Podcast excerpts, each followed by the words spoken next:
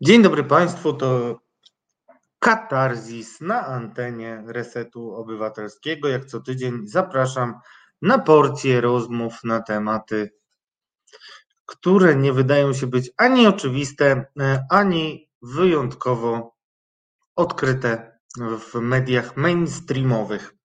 Porozmawiamy dzisiaj o tym, co dzieje się na wschodniej granicy i o tym, jakie werdykty zapadły właśnie przed TSUE i prawdopodobnie jednocześnie, choć jeszcze o tym nie wiemy, w Trybunale Julii Przyłębskiej, kiedyś nazywanym Trybunałem Konstytucyjnym. Nie będę dzisiaj bardzo e, starał się być uszczypliwym.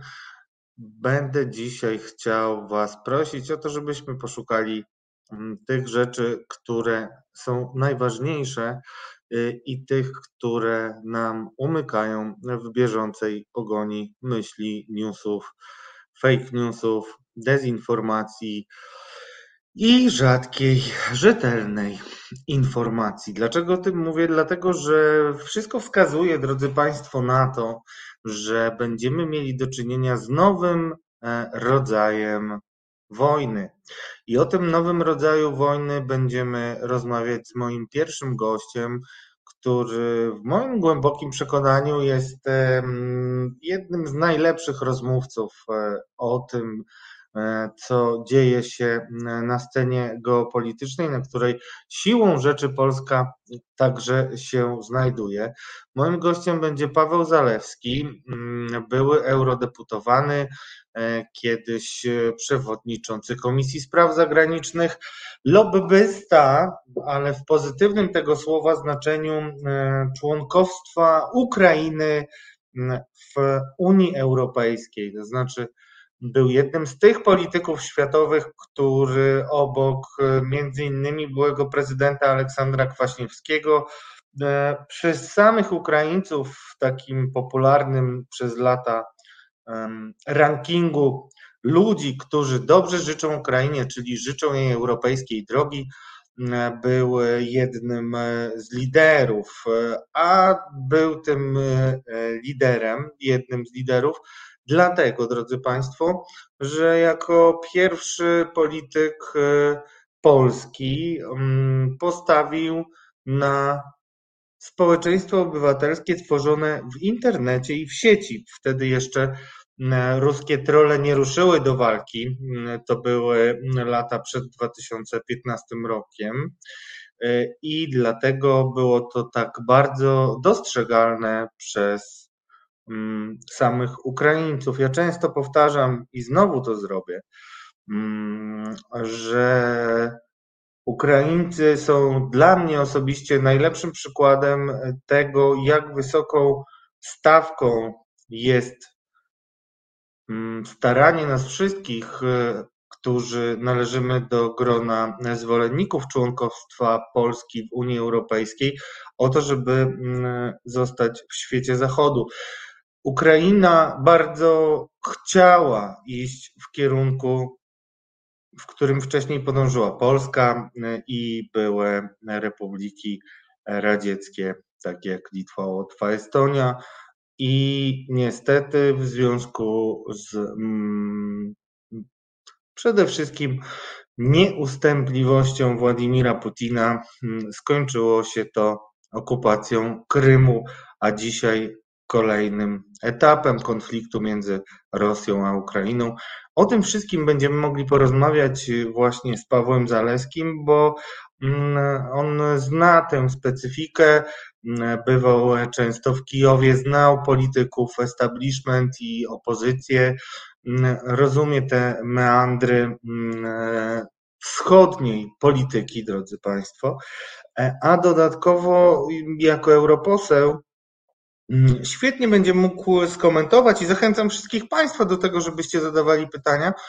Będzie mógł skomentować to, jakie mogą być e, najbliższe mm, wydarzenia e, na linii Warszawa-Bruksela. Mam tutaj na myśli to e, pytanie, które towarzyszy moim dziennikarskim ustaleniom mm, także politycznym, czyli to, czy faktycznie jest tak, jak próbują nas przekonywać szczególnie mm, stronnicy prezydenta Andrzeja Dudy, między innymi minister Kumoch, Jakub Kumoch, to jest ważne nazwisko i ważna postać w kancelarii.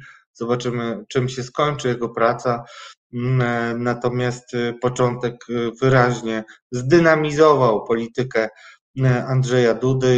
Jest on widoczny, mm, ma inicjatywę i przede wszystkim ma inicjatywę w postaci ustawy o Sądzie Najwyższym, ustawy, o której już mówiliśmy w resecie obywatelskim, a która mm, jest bardzo ciekawym wątkiem do omówienia, dlatego że z jednej strony trudno znaleźć y, ekspertów, którzy mówią, y, że ta ustawa załatwi jakiekolwiek problemy, które wcześniej sygnalizowali między innymi y, mm, sędziowie Trybunału Sprawiedliwości Unii Europejskiej, ponieważ nie usuwa tak zwanego grzechu pierworodnego tej ustawy, mm, a jednak może się okazać, I świadczą też o tym moje dzisiejsze nawet rozmowy, najświeższe, bo zawsze staramy się możliwie świeżo, ale też uniwersalnie e, przygotowywać nasze programy.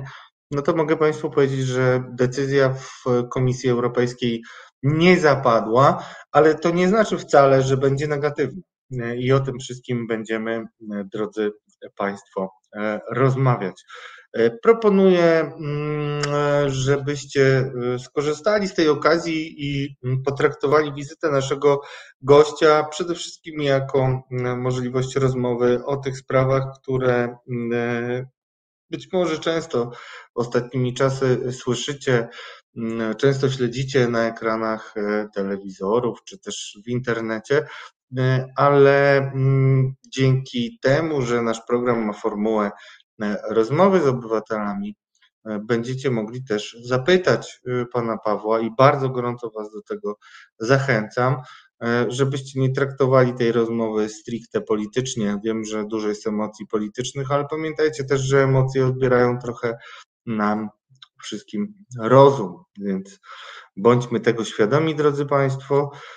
Natomiast w drugiej godzinie hmm, przypomnę ciekawe perypetie, jakie już i media, i politycy, i służby, i prokuratura miały z tak zwanymi oświadczeniami majątkowymi polityków. Dlaczego wracam do tego tematu? Starałem się napomknąć o tym w ubiegłym tygodniu, ale udało mi się to chyba dwoma zdaniami, więc dzisiaj wracam do sprawy, która jeszcze nie jest na czołówkach wszystkich mediów, a ma mm, olbrzymią szansę tam się znaleźć już wkrótce. Mam tutaj na myśli śledztwo Radia ZPL, w którym mam okazję uczestniczyć i chodzi o śledztwo dotyczące Michała Cieślaka, ministra z kancelarii premiera. Myślę, że perypetie będą już bardzo wkrótce głośne. Hmm. Przypomnę tylko, że w ubiegłym tygodniu razem z dziennikarzem Mateuszem Kaperą opublikowaliśmy informację o tym, że e, minister Cieślak jest sprawdzany przez CBA w związku z tym, że nie zgadza się jego majątek. Kiedyś e, od zegarka Sławomira Nowaka e, zaczęła się mm, mm, no, bardzo ciekawa historia właśnie mm, Sławomira Nowaka, którego zaprowadziła mm, do więzienia, ale też dyskusja o tym, jak powinno się mm, wypełniać rzetelnie oświadczenia majątkowe, e, że zegarki mogą być dobrą lokatą kapitału, czy już wiemy wszystko o tym, jakie lokaty nowe mogą e, mieć miejsce? Ano, e, nie wiemy, ale wkrótce się dowiemy. Także w drugiej części Krzysztof Izdebski, prawnik Fundacja Batorego, właśnie o tym temacie i też o tym, co dla, społecze dla społeczeństwa obywatelskiego ważnego dzieje się w Parlamencie Europejskim. A teraz, drodzy Państwo, już zapraszam na naszą pierwszą rozmowę z Pawłem Zalewskim. Pan poseł Zalewski jest naszym gościem. Dobry wieczór, panie pośle. Dobry wieczór. Dziękuję bardzo za przyjęcie zaproszenia w tym gorącym czasie. Często Pan ostatnio mm, występuje, żeby komentować e, sytuację na wschodniej granicy, a dzisiaj mamy zbieg e, dwóch e, wydarzeń. Mhm. Dwóch wydarzeń, no to nawet jest dwa fronty wydarzeń, bym mhm. powiedział. Z perspektywy przynajmniej partii rządzącej, jeden front zachodni, drugi wschodni, notabene teraz sobie przypominam, że Jarosław Kaczyński coś tak powiedział jeszcze latem, że, że mm, my jesteśmy osaczeni z jednej strony ze wschodu, gdzie rzeczywiście realny konflikt, nawet zbrojny, a może nie, o tym będziemy zaraz rozmawiać, a z drugiej strony z zachodu, gdzie, tak jak przypominam wszystkim naszym słuchaczom, e, walczy z nami Unia Europejska, choć my ja oczywiście tutaj stosuję cudzysłów, choć my, my jesteśmy przecież też częścią Unii Europejskiej i szkoda, że, że, że, że PiS nie umie tego wykorzystać. Panie pośle, zacznę e, od e, pytania. Jak pan sobie wyobraża wojnę, choć, która choć nie wybuchła, wydaje się, że y, tak naprawdę trwa od dłuższego czasu. Mówię o wschodzie, mówię o Władimirze Putinie, jak to wygląda? Bo niektórzy być może odetchnęli z ulgą, a czy nie jest to przypadkiem odetchnięcie przedwczesne? Ta wojna trwa od 2014 roku, e, od momentu, w którym Ukraińcy na Majdanie e, e, zażądali przystąpienia do umowy stowarzyszeniowej z Unią Europejską. To naprawdę był cel Majdanu i to naprawdę i to naprawdę był powód, dla którego ludzie ginęli. E, chcieli e, powiązania Ukrainy z Unią Europejską, dlatego że Unia według nich gwarantowała realizację ich marzeń. To znaczy, gwarantowała, że będą żyli w kraju rządzonym nie przez korupcję, a przez prawo, demokratycznym, a nie oligarchicznym, z wolnością słowa, a nie e, z telewizjami mm, opanowanymi przez oligarchów i dla nich redagowanymi. E, oczywiście dzisiejsza i ta, i ta rewolucja zwyciężyła i rzeczywiście obalono Janukowycza, Janukowycza e, powstały mm, rządy w pełni demokratyczne, które tak lub czy bardziej lub mniej spełniają oczekiwania Ukraińców, ale dzisiaj na pewno Ukraina jest krajem demokratycznym, krajem, który wprowadza rządy prawa. To nie jest proste, ale e, poziom korupcji jest dużo niższy. E, I e, to był powód, dla którego Rosjanie zaatakowali, dla którego Putin zaatakował Ukrainę 8 lat temu. Putin nie chciał, aby Ukraińcy dali przykład Rosjanom. Nie chciał, aby, aby Ukraina miała szansę rozwijać się, tak jak Polska na przykład, e, e, gospodarczo, e, społecznie, w każdym względzie, właśnie w oparciu o wartości zachodnie, bo to podważyłoby wiarygodność polityki, którą prowadził Putin wobec Rosjan i podważyłoby system korupcyjno-autokratyczny, który, który Putin rozwijał od roku 2000. E, ta wojna najpierw zakończyła się zdobyciem części Donbasu oraz całego Krymu, natomiast e, cały czas e, miały miejsce, do dzisiaj mają miejsce, ma miejsce wymiana ognia właśnie w Donbasie, a więc konflikt cały czas trwa, chociaż miał niski poziom intensywności. Od kilku miesięcy Rosjanie zaczęli gromadzić wojsko na granicy z Ukrainą, nie tylko po swojej stronie rosyjskiej, ale także po stronie białoruskiej. I to doprowadziło do nowego etapu, do nowej fazy wojny e, ukraińsko- czy rosyjsko-ukraińskiej, bo to Rosja jest agresorem. E, e, wojny, której pierwszy, czy też kolejny etap, no ale jednak możemy odgrodzić ten etap, który właśnie się kończy w moim przekonaniu, miał miejsce. I ten etap jego celem według Putina było doprowadzenie do tego, aby e, z jednej strony zdestabilizować Ukrainę, aby e, tym szantażem realnej wojny, no mówmy się, 130-150 tysięcy żołnierzy świetnie wyszkolonych e, i doskonale uzbrojonych, to jest siła, która może uderzyć na Ukrainę i ją pokonać. Nie prosto, niełatwo, ale, ale to jest realne. Otóż ta siła miała zaszantażować Ukraińców i doprowadzić do destabilizacji politycznej wewnątrz, na przykład wyłaniając jakąś alternatywę dla obecnej ekipy rządzącej. I ten etap się nie udał wobec Ukrainy. E, Ukraińcy wykazują się naprawdę podziwu e, zimnym, e, zimną krwią i, i takim zimnym spojrzeniem na to, co robią Rosjanie. A z drugiej strony ten etap, który dobiegł końca, miał doprowadzić do rozbicia Zachodu. Do tego, że Zachód nie będzie w stanie przedstawić Rosji wspólnej odpowiedzi, twardej, mocnej odpowiedzi. To się nie udało. No, panie pośle, to ja, to, to ja poproszę, mhm. bo akurat mamy pytanie też, które być może nam uporządkuje trochę mhm. sytuację. Bożena Breczko pyta, o co chodzi z porozumieniami mińskimi i dlaczego Ukraina nie może ich wypełnić, a Putinowi na nich tak zależy. Czy może pan to wyjaśnić? Bo, tak. e, e, bo wtedy e, jeśli dobrze pamiętam, proszę mnie e, sprostować, ale raczej pamiętam dobrze, to był taki pierwszy moment, kiedy e, Polska, która była bardzo ważną, ważnym krajem e, przy no, tworzeniu agendy Zachodu w ogóle i też wskazywaniu pewnego mm, oglądu sytuacji, no wtedy musiała e, jednak e, obserwować, e, jak zaczynają ustalać między sobą najważniejsi gracze w Europie mm, status quo i potem było już tylko gorzej.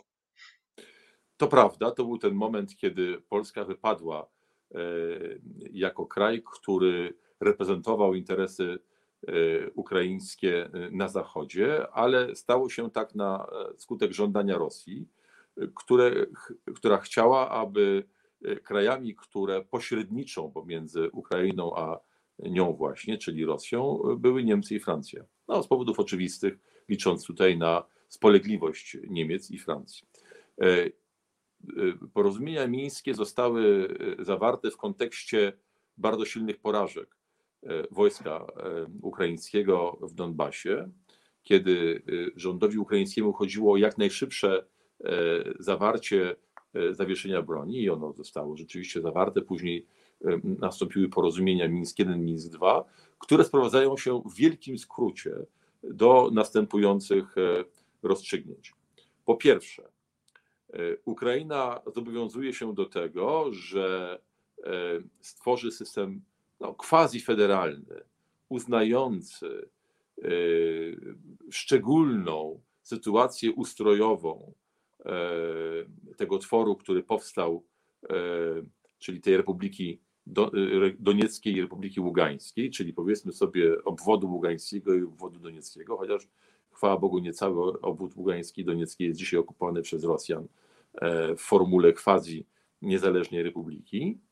Ale e, z drugiej strony, i to też jest bardzo istotne, czyli z jednej strony mamy do czynienia z e, zobowiązaniami ukraińskimi dotyczącymi zmiany ustroju kraju, czyli uznania no, pewnej e, szczególnej sytuacji i pewnej autonomii tych, nazwijmy to, republik ługańskiej i donieckiej, ale z drugiej strony, i to jest też bardzo ważne, te zmiany miały nastąpić po tym, jak odbędą się wewnętrzne wybory, nazwijmy je samorządowymi, w Doniecku i Ługańsku. W tym momencie obie strony, czyli Ukraina i Rosja, miały wobec siebie e, pewne e, oczekiwania, roszczenia e, i, i takie trzymania, nazwijmy to, to tak. Znaczy, bo Ukraińcy zgodzili się spełnić postulat Rosjan odnośnie tego szczególnego statusu Ługańska i Doniecka, ale z drugiej strony Rosjanie zgodzili się, że to się stanie wówczas, kiedy odbędą się wolne e, wybory w Ługańsku i Doniecku, które w oczywisty sposób dzisiaj, biorąc pod uwagę okoliczności i rzeczywistość e, tam panującą, odbyć się po prostu nie mogą. I realizacja i negocjacje dotyczące realizacji postanowień mińskich no były takim sposobem e, z jednej strony e, Rosji na przymuszanie Ukrainy do tego, żeby jednak zobowiązanie swoje zrealizowała, a więc uznała ten szczególny status Doniecka i Ługańska, pozwalający w ten sposób Moskwie wpływać przez Ługańsk i Donieck na politykę Kijowa, a z drugiej strony Ukraina miała wymówkę, że nie może do tego doprowadzić, no bo nie odbyły się nie mogą się odbyć wolne wybory na terenie Ługańszczyzny i Doniecczyzny. Więc te rozmowy tak naprawdę prowadziły donikąd i w pewnym momencie zaprzestano ich, bo i Rosja, i Ukraina już nie miały specjalnej ochoty dywagować na ten temat i się spierać, bo to nie przynosiło żadnego efektu. Tak więc rozmowy zawieszono na kilka lat, no i w ubiegłym roku, najpierw na wiosnę, marcu, kwietniu, później na jesieni, pod koniec roku, Rosjanie zaczęli gromadzić siły, które miały doprowadzić do zmiany sytuacji polityczno-militarnej, czyli mówiąc krótko, poprzez mobilizację wielkich sił, które byłyby zdolne do rozpoczęcia wojny, takiej gorącej, twardej wojny, Rosjanie chcieli wymusić e, e, ustępstwa ze strony e, Kijowa. I to się nie udało. To się nie udało, dlatego że Ukraińcy zachowali jedność, a z drugiej strony Amerykanie byli w stanie skłonić, tak to elegancko nazwijmy, partnerów europejskich, głównie Niemców i Francuzów, do tego, aby utrzymali wspólny front. Oczywiście bez przejęcia przywództwa, które wyraża się na przykład w tym, że Amerykanie wysyłają e, jednostki wojskowe do Polski nad granicę z Ukrainą, a więc bez tego silnego przywództwa amerykańskiego, bez tego silnego przywództwa Bidena, to by się nie udało, ale pamiętamy przecież jeszcze niedawno, jak, e, jak kanclerz Scholz mówił o tym, że no nie można włączać Nord Stream 2 do pakietu sankcji. No dzisiaj to nie budzi wątpliwości i dzisiaj możemy zastanawiać się, czy w ogóle Nord Stream 2 w oparciu o to, co się wydarzyło na wschodzie, zostanie uruchomiony w najbliższym czasie, bo przecież to już jest moja uwaga i moja analiza i,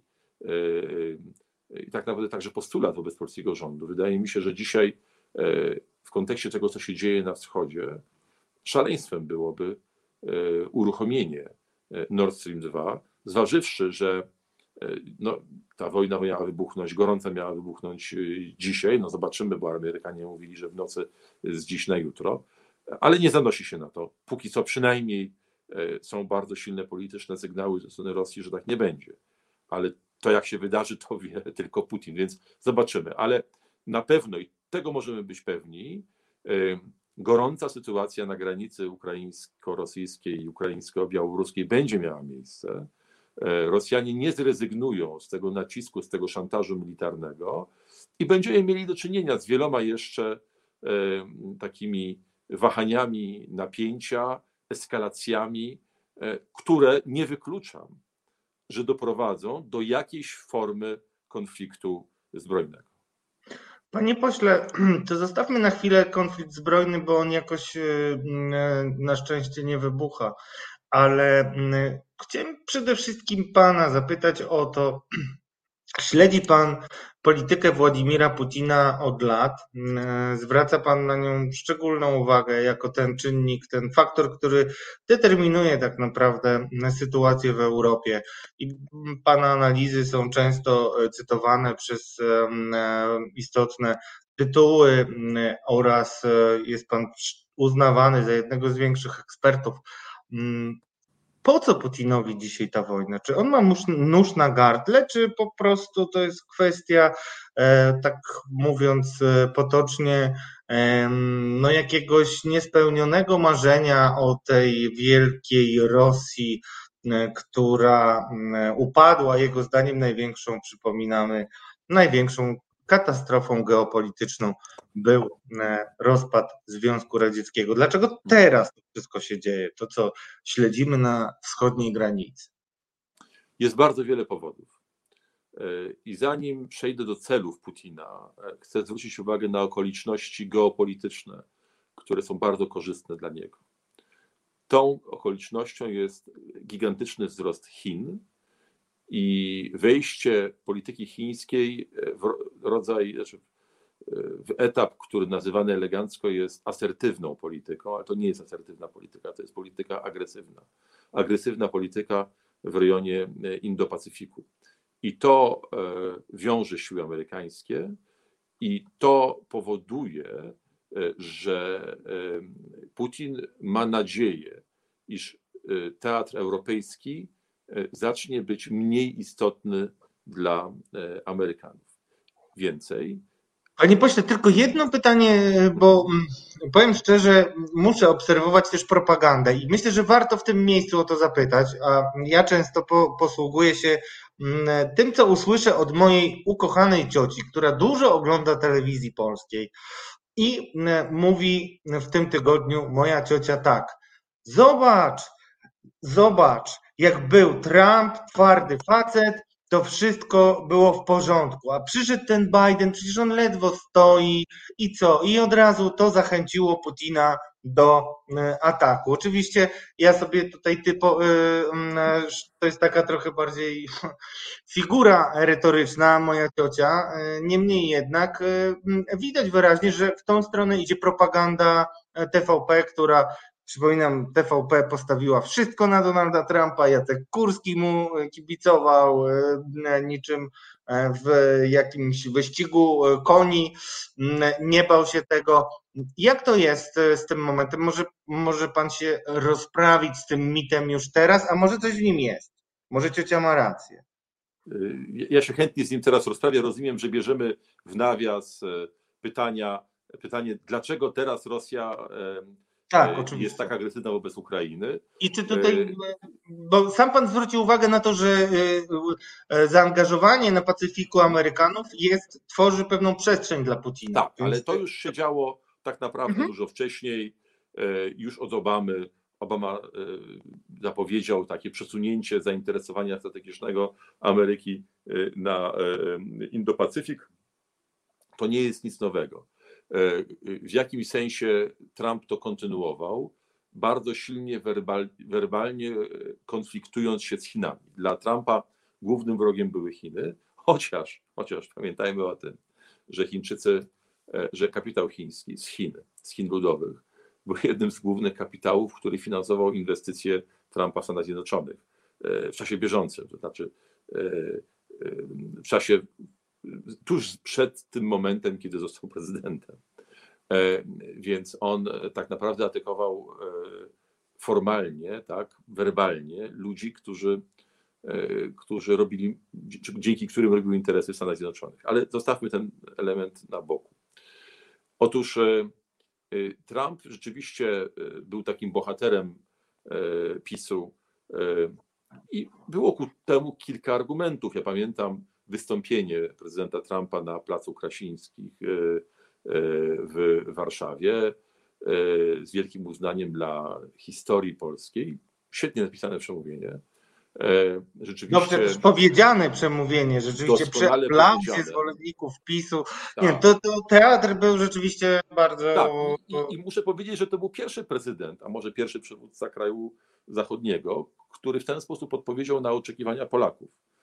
No bo e, cokolwiek by nie mówić, e, i tutaj nie chcę odwoływać się do naszych kompleksów bądź e, manii wielkości, no Polska jest jednym z większych państw europejskich, mającym naprawdę wielką historię, znajdującym się w świadomości Zachodu gdzieś na marginesie. I to niewątpliwie wywołuje napięcie między tym, co jakby zrobiliśmy, i w moim przekonaniu na co zasłużyliśmy, a tym, jak jesteśmy traktowani, czy też co o nas myślą. Ale zostawmy to na bok, więc ja tutaj staram się być całkowicie obiektywny, nie wchodząc w psychologię, e, psychologię narodu. Otóż e, niewątpliwie Trump e, był tym przywódcą, który bardzo umiejętnie rozgrywał, nazwijmy to pewne polskie kompleksy. Może zasłużone, ale jednak. Z drugiej strony, był politykiem, który bardzo twardo pewne kwestie formułował, przede wszystkim wobec Chin, także wobec Rosji. Tylko pytanie, co, za tym szło? Otóż za tym szło osłabianie Unii Europejskiej. W sytuacji takiej, w której, i osłabianie więzi Stanów Zjednoczonych z Zachodem.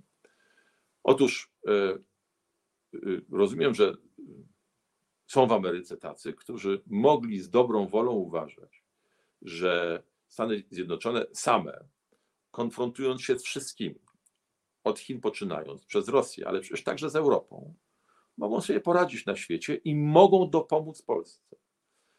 Być może byli tacy, którzy uważali, że konfliktując się z Niemcami, którzy stanowili bezpośrednie zaplecze logistyczne Amerykanów wobec wschodu Europy, wobec Polski, e, że to mogło nie przeszkadzać w realizacji zobowiązań sojuszniczych Stanów Zjednoczonych wobec Polski, że ten konflikt, który wywoływał Trump, albo który był równolegle wywoływany także przez Niemcy, wszystko jedno, ważne, że ten konflikt miał miejsce, miał nie wpłynąć na to, że Stany Zjednoczone miały być e, wiarygodnym e, partnerem, czy też gwarantem bezpieczeństwa Polski. Ja uważam inaczej.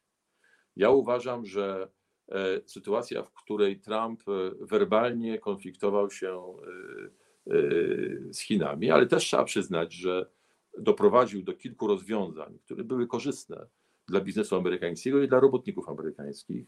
W myśl zasady American First, America First, tak? Dokładnie tak. Jednak kilka e, biznesów e, do Ameryki przeniósł. Ja chyba nie wyłączyłem telefonu, bardzo przepraszam. taka sytuacja. No. No cóż, Czasy są wojenne. Dzisiaj wybaczymy naszemu gościowi, komu się nie zdarzyło nie wyłączyć telefonu podczas e, programu na żywo. Niech pierwszy rzuci kamieniem. To nie, nie jest. Chciałem, nie, nie chciałem, żeby, nie chciałem, żeby nam przeszkadzał. A więc, e, a więc e, wracając. A więc oczywiście, że ta polityka jakieś skutki przynosiła i przez pewne grupy Amerykanów była ceniona mieli prawo do tego. Natomiast jeżeli chodzi o kwestie międzynarodowe, e, uważam, że konfliktowanie się z Europą e, e, było absolutnie złe, dlatego że uniemożliwiało tak naprawdę, albo bardzo poważnie utrudniało Amerykanom wypełnienie zobowiązań, które zresztą Trump podkreślał, że je, że je ma, tak? ale w efekcie byłoby to bardzo trudne. To jest po pierwsze. Po drugie, tutaj bardzo wiele mitów narosło, jeżeli chodzi o zaangażowanie Trumpa we wsparcie e, militarne Polski. Otóż wszystkie decyzje, które związane, może inaczej, decyzje, które związane były z wysłaniem do Polski żołnierzy, podjęte zostały przez Obamę. Trump je realizował po prostu. Natomiast e, jedyną decyzją istotną z tego punktu widzenia, E, jeżeli chodzi o obecność żołnierzy amerykańskich w Europie, było to, że e, podjął decyzję o zmniejszeniu kontyngentu e, amerykańskiego w Niemczech. A więc de facto działa na rzecz osłabienia obecności amerykańskiej, wojskowej obecności amerykańskiej w, w Europie. I pamiętajmy, że Trump jednak miał szczególną relację z Rosjanami, bo jednak, jakby nie było, e, Rosjanie, Putin, wywiad wojskowy e, poprzez wpływ na media społecznościowe e, w istotny sposób pomógł Trumpowi zwyciężyć. To jest bez, bezsporne. Więc, więc ta, ten mit Trumpa, twardego Trumpa, który tutaj miał być następcą Reagana, w moich oczach nie broni się, nie, nie trzyma się realiów i faktów. E, no ale y, mamy do czynienia tak naprawdę z emocjami. E, to emocje powodują, że jest twardy elektorat PiSu, który uważa, że to jest najbardziej patriotyczna partia e, od czasu, nie wiem, Piłsudskiego czy Dmowskiego. Ja uważam inaczej, bo fakty świadczą o czymś innym, no ale, ale y, mówimy tutaj nie o, nie o analizie faktów, tylko o emocjach, e, a w tych, e, a w podgrzewaniu tych e, PiS jest, jest dobry, no stąd to grono zwolenników, którzy twierdzą pewne rzeczy poza faktami zupełnie albo wbrew faktom. Także to jest, to jest Trump, panie redaktorze. Jeżeli pozwoli pan, to ja wrócę do tej Proszę. fascynującej kwestii. Dlaczego dzisiaj? Bo, bo to jest rzeczywiście ciekawe pytanie. Otóż po pierwsze, e, jak już powiedziałem, przypomnę, Chiny angażują Amerykanów e, na Indo-Pacyfiku, ale jest też inny powód. Chiny są wielkim sojusznikiem Rosjan i gwarantują Rosji bezpieczeństwo na swojej granicy. I to jest sytuacja naprawdę bezprecedensowa, e, w której Rosjanie wycofują jednostki z granicy z Chinami z granicy z Mongolią, przesuwając się na granicę z Ukrainą. Tego nigdy nie było. Rosjanie zawsze obawiali się sytuacji na, na Dalekim Wschodzie, swoim Dalekim Wschodzie, na Syberii. Zawsze trzymali tam jednostki i nigdy ta granica, ani w 1939 roku, ani w 1941, no kiedy tak naprawdę doszło do wojny, nie z Japonią przecież, ale z Niemcami, yy, nigdy ta granica nie była tak goła, jeżeli chodzi o wojska rosyjskie. Otóż yy, to Chińczycy umożliwiają politykę Rosji, agresywną politykę Rosji w Europie, mając z tym wspólny interes, dlatego że oba reżimy są autorytarne i korupcyjne. I oba reżimy mają dokładnie ten sam interes, aby utrzymać się przy władzy i utrzymać metodę rządzenia, czyli autorytaryzm i korupcję. Jeżeli tak naprawdę mówimy o Rosji albo o Chinach, zawsze mówi, powinniśmy mówić o tych dwóch krajach, dlatego że e, ich polityka zagraniczna bez siebie nie istnieje. To jest sojusz rosyjsko-chiński. I teraz wracając, co jest celem Putina? Otóż celem Putina przede wszystkim jest zagwarantowanie trwałości systemu, który stworzył. Mówiliśmy, nazwaliśmy go autorytarno-korupcyjnym. E, wiemy o tym, że e, Putin mówi do Rosjan: Jesteście tacy sami jak Ukraińcy.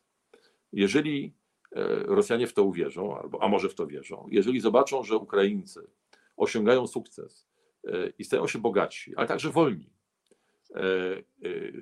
stosując wartości zachodnie w praktyce, a więc rządy prawa, demokrację, wolność słowa, to mogą się z tego samego.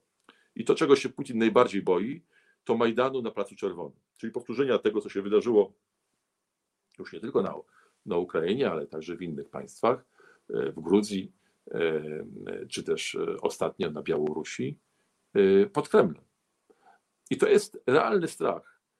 Strach, który powoduje, że Putin jest w stanie zaryzykować bardzo, bardzo, bardzo wiele, bo on y, to zagrożenie traktuje egzystencjalnie. To jest najpoważniejsze zagrożenie, które, y, które odczuwa i jemu jest podporządkowane wszystko inne. Dlatego ta sytuacja w relacjach Rosji z Ukrainą jest naprawdę najpoważniejsza. To ja, podbiję, to ja podbiję ten wątek i zapytam o to, bo większość Rosjan zdaje się być no, co najmniej e, niechętna temu, żeby wikłać się w wojnę. To jest inna sytuacja niż w czasie e, wejścia do Gruzji na przykład, czy też e, ataku na Krym przez ubranych po wojskowemu przypadkowych ludzi, którym oczywiście, którymi oczywiście okazały się być rosyjskie wojska. Dlaczego mimo tego Putin pręży muskuły. A może my po prostu nie mamy wyobrażenia, jaka jest e, rosyjska percepcja e, tej sytuacji, rosyjskiego społeczeństwa, które przecież jest bombardowane e, z, na, na, wielu przestrzeniach propagandowymi myślami i też wychowało się w pewnej no, wytworzonej celowo myśli o tym, jak powinien myśleć współczesny rosyjski patriota. Czy, czy jak pan to ocenia? Oczywiście Putin e, boi się opinii publicznej, boi się tych gruzów, tych, tych ładunków, e, które idą z linii frontu do Rosji z ciałami żołnierzy rosyjskich, którzy zginęli w walce. Dlatego podejmuje działania, aby zminimalizować E, te, te obrazy i zminimalizować to ryzyko. E, natomiast e, o, o tym za chwilkę. Natomiast niewątpliwie dzisiaj w Rosji nie ma wolności słowa. Dzisiaj Rosjanie mają do czynienia wyłącznie z jedną skoncentrowaną propagandą. Czyli mówiąc krótko, taki Jacek Kurski rządzi wszystkimi mediami, które są dostępne w Rosji. I tam i ja czasami oglądam te programy publicystyczne głównie, tam e, Rosjanie są e, zakażani nienawiścią wobec Rosji, wobec Ukrainy, wobec Zachodu. I to jest wszystko robione, no, dopasowane do e, wyobraźni, do odniesień, do których mogą się odnosić sami Rosjanie, które rozumieją Rosjanie. Także, także to wszystko to wszystko jest dosyć trafne i tak naprawdę dzisiaj nie wiemy do końca, co uważają Rosjanie w tej kwestii. Myślę, że zdroworozsądkowo możemy założyć, że nikt nie chce wojny, a na pewno nikt nie chce, żeby jego dzieci albo bracia ginęli w tej, w tej wojnie, to jest zrozumiałe. No ale między innymi dlatego Putin posługuje się za granicą jednostkami najemnymi, tymi grupami Wagnera. To nie są jednostki regularnych sił zbrojnych, chociaż wszyscy wiemy, że to jest po prostu specnaz rosyjski. No ale Rosjanie uważają, że skoro komuś się płaci za to, że ryzykuje śmiercią, no to, to nie szkoda, że zginie. To, to w takim razie może Pan powie chwilę o tym, bo to jest bardzo istotne. Chyba zwracał Pan uwagę na to, że właśnie takie grupy e, e, jak te oddziały Wagnera mogą, mm, tworzą inną rzeczywistość prowadzenia e, wojny. I Pan to tak. podkreślał, więc przypomnijmy tym, którzy nie interesują, znaczy nie znają się aż tak dobrze na polityce zagranicznej, o co chodzi. Chodzi o to, że e, Rosjanie stworzyli e, grupy, czy stworzyli prywatną armię, e, na której czele właśnie stoi niejaki Wagner, czyli były oficer służb specjalnych specnazu rosyjskiego, do, którego, do której to armii rekrutują no, osoby przeszkolone wojskowo. To są tak naprawdę jednostki do specjalnych zadań, które operują i operowały na terenie e, e, Ukrainy w 2014 roku, operują w Syrii e, dzisiaj, operują także w, w, w, w Mali. I, i, I tak naprawdę Rosjanie już dzisiaj nie wysyłają wojsk za granicę pod własną banderą, ale właśnie pod banderą tych jednostek armii prywatnej, e, która, która nazywana jest Wagnerowcami. E, oczywiście e, to nie Wagnerowcy stoją dookoła, dookoła Rosji, tam stoją żołnierze, żołnierze rosyjscy. Natomiast ja powiedziałem na samym początku i pan redaktor na to zwrócił uwagę, że jeżeli zastanawiać się, jak może wyglądać gorący konflikt na Ukrainie, no to tutaj ten E, ten przykład syryjski jest najbardziej prawdopodobny. E, czyli powtarzam raz jeszcze, jeżeli Rosjanie będą atakowali, to e, z oddali, czy to z powietrza, czy to będą to ataki rakietowe, na jednostki wojskowe bardziej niż na miasta i na jakieś obiekty infrastruktury niż na osiedla mieszkaniowe, to jest, to jest jasne. Natomiast na ziemi, na, te, na terenie pojawią się raczej E, e, żołnierze, którzy nie będą mieli naszywek e, trójkolorowej flagi, flagi rosyjskiej, tylko będą to albo żołnierze wagnerowscy, albo, albo jakieś pseudowojska, no wiadomo, że rosyjskie, no ale jednak występujące pod banderą, pod flagą Doniecka czy, czy Ługańska. A więc, a więc ten element będzie, ten element tego, tego, tej obawy przed matkami, które się jednoczyły i protestowały E, e, przeciwko wysłaniu ich synów na, e, na, na śmierć, że, że, tego po prostu nie będzie. Putin odrobił tę lekcję po Afganistanie, po Czeczenii. Dzisiaj, dzisiaj po prostu tego, tego nie będzie. Więc wracając do celów Putina, o, o jednym głównym powiedzieliśmy, no ale jest też wiele innych. To jest kwestia Y, szantażu także wobec Zachodu, aby zbudować sobie pozycję uprzywilejowaną, jeżeli chodzi o możliwość korumpowania Zachodu, możliwość sprzedawania surowców naturalnych, głównie energetycznych. No ale wiemy, że sprzedaż tych surowców jest po prostu instrumentem korumpowania i instrumentem zarabiania elity kremlowskiej, Putina, jego oligarchów, że to jest kwestia pewnej wiarygodności wobec partnerów zagranicznych, E, że, że jednak Putin e, jest w stanie e, sprawczo wymusić pewne działania na krajach, które, z którymi rozpoczął konflikt. To budzi szacunek i, i zaufanie tych wszystkich tyranów, autokratów na świecie, którzy boją się swoich własnych narodów, i to jest kolejna, kolejna korzyść.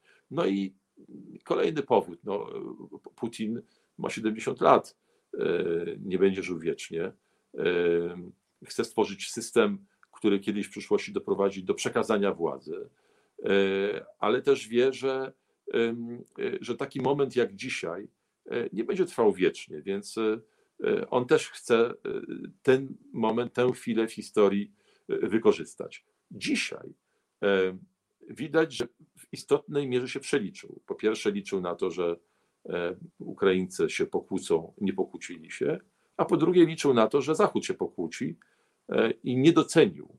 Nie docenił tego, co, e, co widzimy dzisiaj, nie docenił tej determinacji administracji Bidena i samego prezydenta, zlekceważył go. A Biden między innymi dlatego jest tak zdeterminowany, między innymi dlatego jest tak twardy niespodziewanie twardy wobec Rosjan, bo ma jedną świadomość, taką, której nie mieli wcześniejsi prezydenci e, amerykańscy, że Ameryka bezpośrednio padła ofiarą ataku. Takiego ataku, który miał miejsce po raz pierwszy od Pearl Harbor. No, tam zginęli ludzie, a ja mówię o kampanii wyborczej e, e, Trump versus pani Clinton. Kiedy właśnie E, Rosjanie, e, wpływając na media społecznościowe, wpłynęli na e, wybór, wybór Trumpa. To był atak na, jakby to był atak w serce demokracji, w serce Stanów Zjednoczonych, w demokrację amerykańską, w przekonanie, że cokolwiek by się nie wydarzyło, Ameryka jest krajem demokratycznym, to znaczy takim, który rządzi się sam i rządzą jego obywatele. Otóż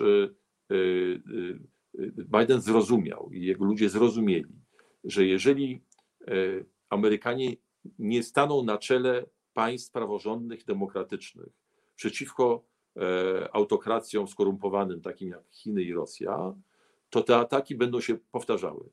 I można, e, i, i jest możliwe, jest wyobrażalne, że jeszcze gorsze rządy niż Trumpa i na dłużej będą miały miejsce. A w Europie tak już jest, bo mamy do czynienia z Orbanem, mamy do czynienia z panią Le Pen, która jest notowana jako druga osoba e, w, e, e, w wyborach w sondażach, w wyborach francuskich, a przecież pani Le Pen najpierw wyzywała do rozwiązania, do wyprowadzenia Francji z Unii Europejskiej, a teraz wzywa do wyprowadzenia Francji z NATO.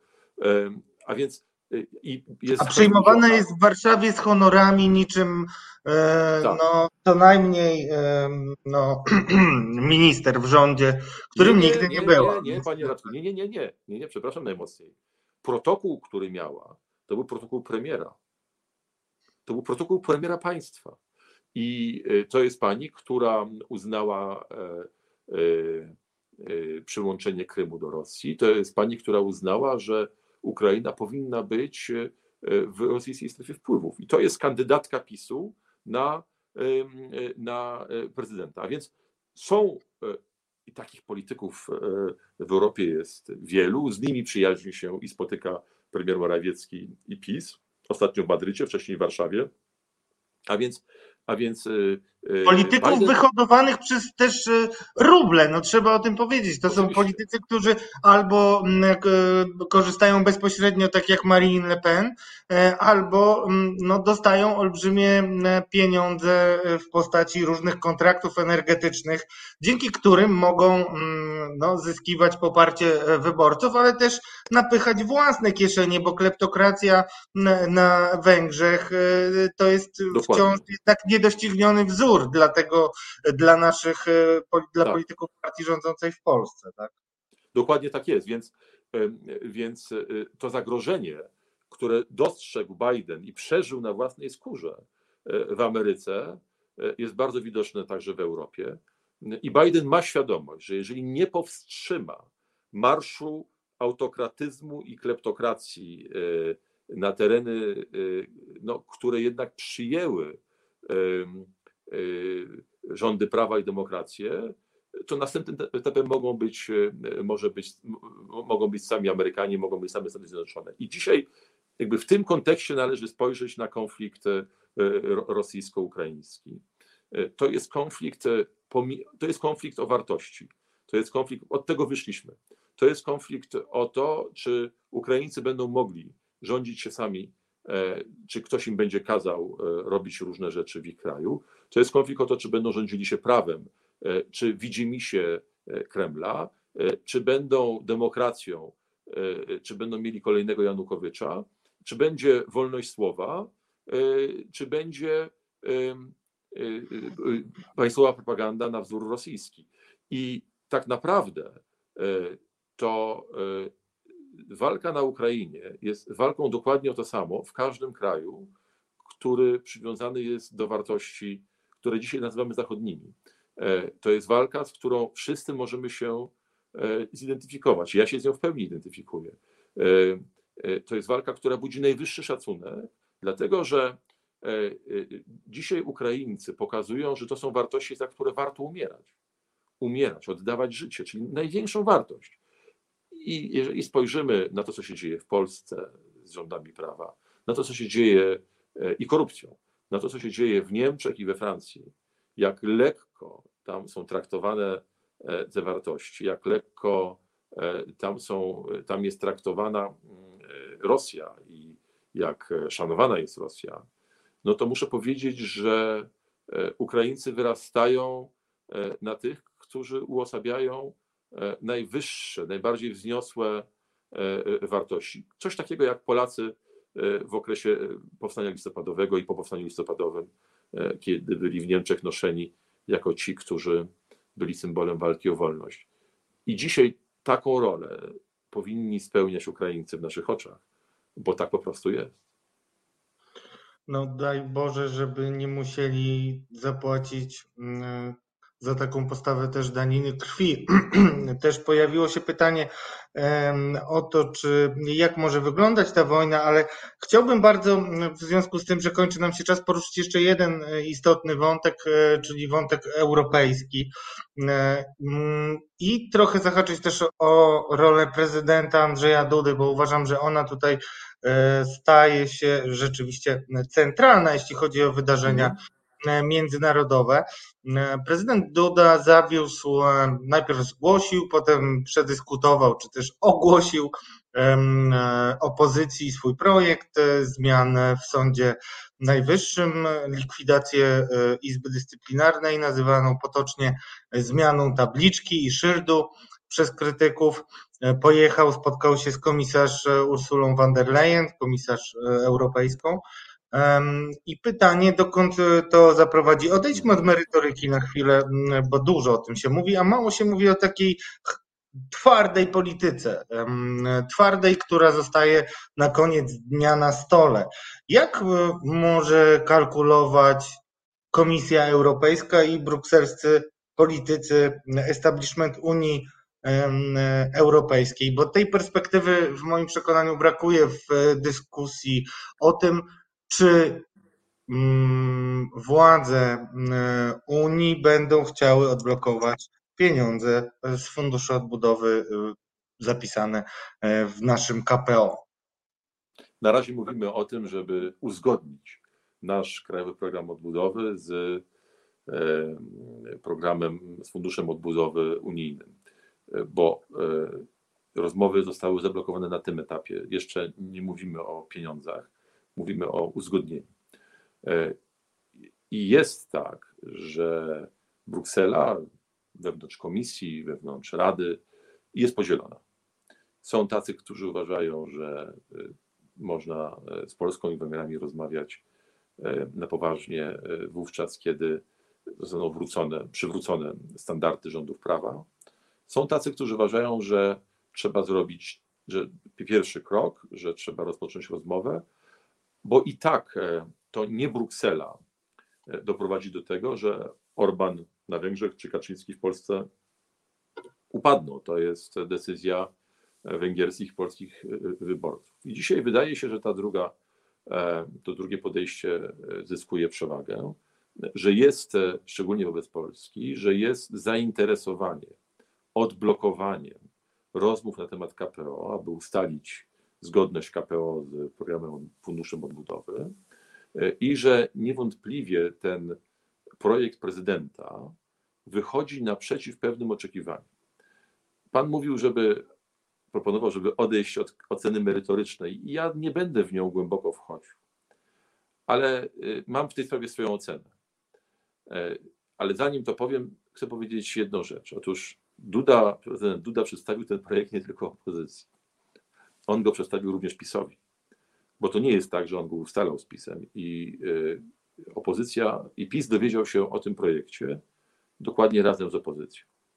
Więc y, też pytanie, jak zareaguje PiS. No wiadomo, jak zareaguje jego część, czyli środowisko mm, ministra Ziobry.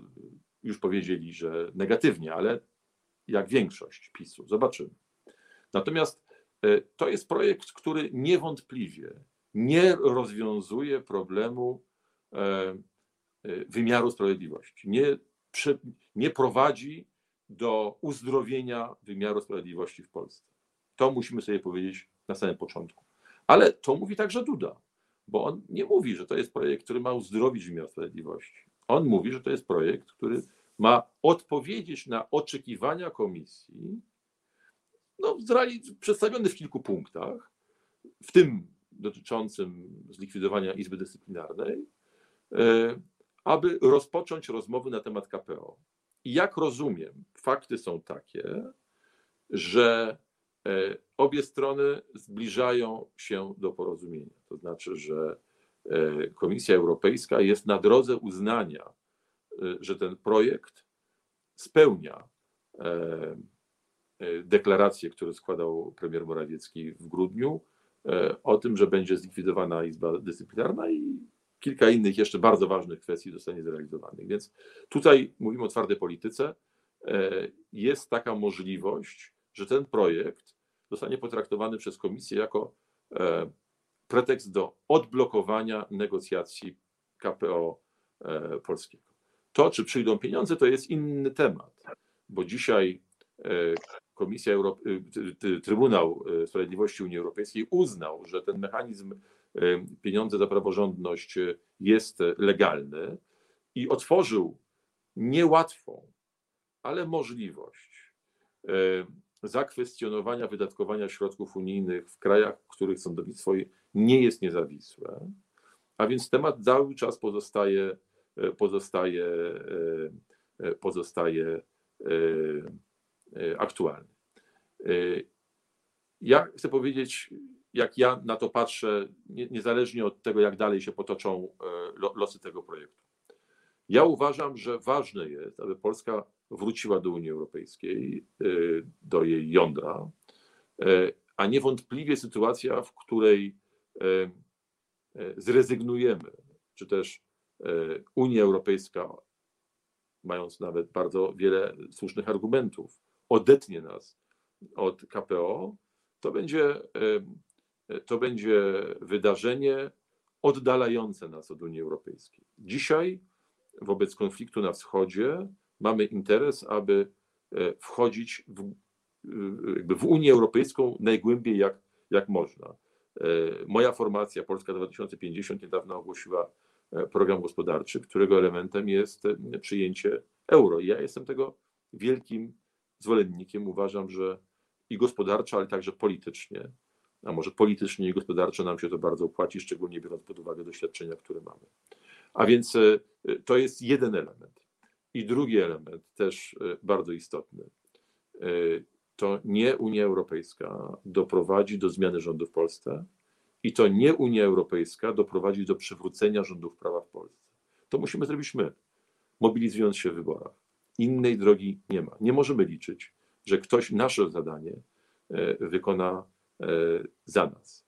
Więc e, ja e, mam nadzieję, że praca nad projektem prezydenckim, jeżeli się rozpocznie, doprowadzi do poprawy sytuacji, jeżeli chodzi o zwiększenie czy też zmniejszenie nacisków na sędziów. To jest niebywale ważne. Ale nie mam wątpliwości, nie mam żadnej wątpliwości, że pełna naprawa wymiaru sprawiedliwości może być dokonana wyłącznie wówczas, kiedy zwyciężą siły demokratyczne e, po wyborach, zakładam, w 2023 roku. Panie pośle, ostatnie pytanie e, i to będzie pytanie mm, od e, naszego forumowicza, który często występuje i chociaż No, trudno nie zauważyć szerszego kontekstu. E, prosiłbym, żeby pan, e, jako ta osoba, która dużo mówiła o tym, żeby nie bagatelizować e, ewentualnego wpływu i znaczenia agentury rosyjskiej na to, co się dzieje w Polsce, w polskiej polityce. Zarówno Tomasz Piątek, jak i Grzegorz Rzeczkowski, jak i moja skromna osoba mówimy o tym od lat.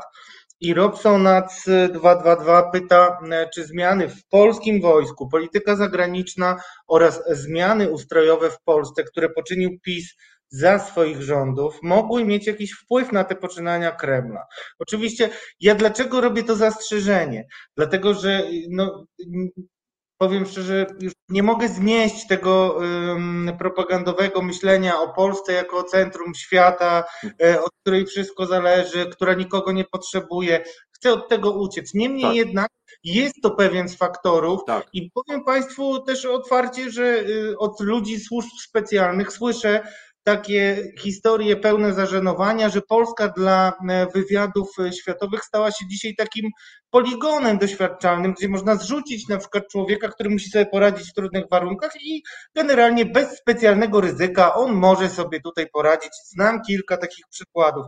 Dlatego powtórzę to pytanie, czy te zmiany w polskim wojsku, w polityce zagranicznej i zmiany ustroju mogą, e, coś nam mówią o tym też, to od siebie dorzucę, bo, bo temat jest na pewno głęboki, a niestety mamy ostatnie 10 tak. minut, więc bardzo proszę o takie spojrzenie, żeby nie uciekł nam temat, nie rozlał się, nie rozlała się odpowiedź. Pełna, pełna zgoda. Ja wielokrotnie wyrażałem opinię, że służby w Polsce zostały zniszczone, że e, Polska jest bezbronna i nie mam żadnej wątpliwości, chociaż nie mam żadnych konkretów, żadnych konkretnych informacji o działaniu e, agentury rosyjskiej, strefy wpływów, e, ale ja to po prostu obserwuję. I znam mechanizmy funkcjonowania E, e,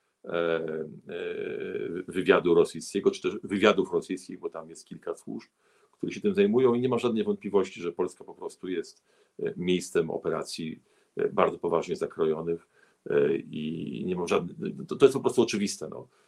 Ma, mamy pewną wiedzę o tym, co się działo chociażby w Czechach, ten słynny wybuch w fabryce amunicji, y, który został powiązany z działaniami y, y, Rosjan, który doprowadził w efekcie do wyrzucenia e, całkiem sporej agentury rosyjskiej pracującej w ambasadzie rosyjskiej w Pradze. Jeżeli tak się dzieje w Czechach, to znacznie bardziej dzieje się tak w Polsce. To po prostu jest pewne.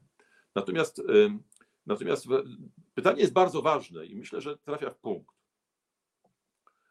Wyobraźmy sobie, że e, Stany Zjednoczone e, nie prowadzą takiej polityki jak dzisiaj, to znaczy nie wymuszają na sojusznikach wspólnego frontu.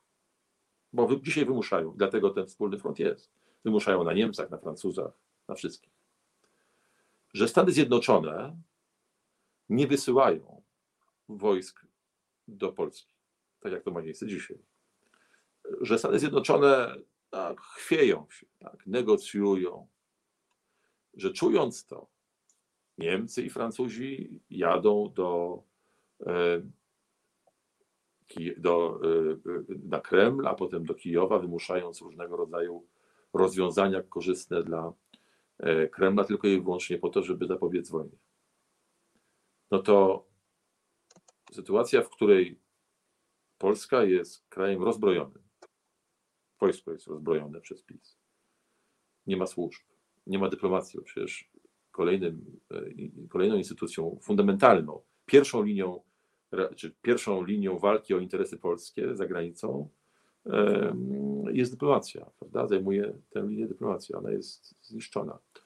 Otóż to bardzo pomagałoby Rosjanom. W takiej sytuacji by to bardzo pomagało Rosjanom. To, co nas dzisiaj ratuje, tak naprawdę, na poważnie, wszystkich Europejczyków, to y, niespodziewanie poważne przywództwo amerykańskie. I tylko dlatego, że Amerykanie y, stawiają wszystkich przed faktami dokonanymi. Jeżeli chodzi o zakres oporu wobec Rosji i wymuszają na Rosji defensywę. E, tylko dzięki temu to, że jesteśmy tak rozbrojeni, jak jesteśmy rozbrojeni, dzisiaj nam, daj Boże, nie zaszkodzi, bo są Amerykanie. Ale gdyby Amerykanie nie prowadzili takiej polityki, e, to mielibyśmy bardzo trudną sytuację. I to jest wniosek na przyszłość. Otóż po wyborach będziemy musieli zmienić priorytety e, i wzmocnić polskie państwo. Wzmocnić, wzmocnić jego instytucje, które gwarantują nam bezpieczeństwo. Wojsko, służby, dyplomację. A także po prostu instytucje państwa. E, wszędzie. W Sejmie, e, w ministerstwach. To będzie fundamentalne. Musimy odbudować mocne państwo, którego nie będzie można podbić tak łatwo, jak zrobił to PiS. Nie będzie można zniszczyć tak łatwo, jak zrobił to PiS. Bo inaczej w okresie próby, która pewnie przyjdzie kiedyś, bo to zawsze tak jest, że, że te próby co jakiś czas przychodzą, będziemy bezradni i nie będziemy mieli tak twardej Ameryki u swoim boku jak dzisiaj. I wtedy będziemy mogli przegrać. Dziękuję bardzo panie pośle za dzisiejszą wizytę. Ciekaw jestem państwa głosów. Dzisiaj celowo odeszliśmy od tej polskiej polityki, która często wychodzi nam bokiem, po to, żeby uporządkować sobie sytuację międzynarodową. Dziękuję bardzo, że ekspert tej klasy przyjmuje nasze zaproszenia i wszystkich zachęcam do tego, żeby patrzeć wielowymiarowo na. Zawsze z przyjemnością, panie redaktorze, bardzo cenię Państwa analizy, bardzo cenię Państwa punkt widzenia, który myślę, że e, jest, e, nie powiem, że unikatowym, ale w swojej ekspertyzie i takim drążeniu e, tych punktów, które czasami umykają wielu, jest, jest jedyny. Także dziękuję Panu za zaproszenie mnie do do programu i dziękuję Państwu, że jesteście z nami. Dziękujemy bardzo. E, dobrej nocy, panie pośle. Przechodzimy do drugiego punktu programu. Za kilka minut połączymy się z prawnikiem Krzysztofem Izdebskim, no ikoną walki o jawność i transparentność w Polsce, założyciel Fundacji E-Państwo nie, nie wiem czy założyciel, ale prezes na pewno, a teraz e, on reprezentujący Fundację Batorego Krzysztof Izdebski, e, z którym będziemy rozmawiali o rozwoju społeczeństw obywatelskich w Unii Europejskiej. Brzmi trochę nudno, więc e, żeby nie było nudno, to powiem jasno, będziemy rozmawiali o kasie polityków i o tym, w jaki sposób oświadczenia majątkowe można ewentualnie omijać. I właśnie od e, tego mm, zaczniemy, drodzy Państwo. Zapraszam już za chwilę, teraz chwila muzyki, a po przerwie rozmawiamy o kasie. Dobry wieczór Państwu. W pełnym świetle Radosław Gruca, Katarzis, Reset Obywatelski.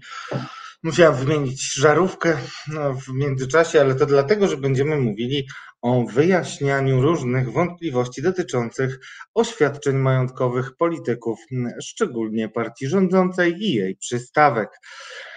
Punktem wyjścia, drodzy Państwo, będzie tekst, który pojawił się na portalu Radio ZPL. Później wrzucę Wam jeszcze przypomnienie do tego linku, bo mam głębokie przekonanie, że ta historia będzie miała ciąg dalszy istotny, hmm, a ponieważ zacząłem analizować oświadczenia majątkowe naszych polityków i też badać różne sygnały dotyczące ewentualnych niezgłaszanych celowo dochodów hmm, przez polskich polityków, no cóż, e, wydaje mi się, że temat powinien wrócić i dobrze jest się z nim już dzisiaj zaznajomić, drodzy Państwo. E, Dlaczego mm, zaprosiłem naszego gościa, to już mówiłem, a o czym będziemy rozmawiać, mówię właśnie teraz. Michał Cieślak, minister mm, w kancelarii prezesa Rady Ministrów, odpowiedzialny za dialog z samorządami, mm, dawny kolega, członek prominentny, nie wiem czy to jest dobre słowo, ale wyrazisty, w pewien sposób polityk porozumienia Jarosława Gowina, który jeszcze z rekomendacji zarządu porozumienia trafił do rządu i objął tam tekę ministra.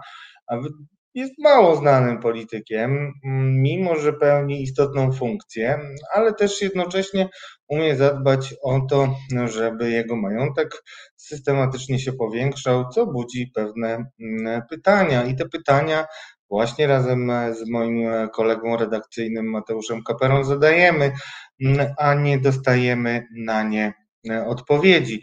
Chodzi o pytania dotyczące mm, tego, e, co próbują też wyjaśnić oficerowie e, CBA, co do których mam wątpliwości, jeśli chodzi o ich dociekliwość, a przynajmniej o wyciąganie wniosków ostatecznych.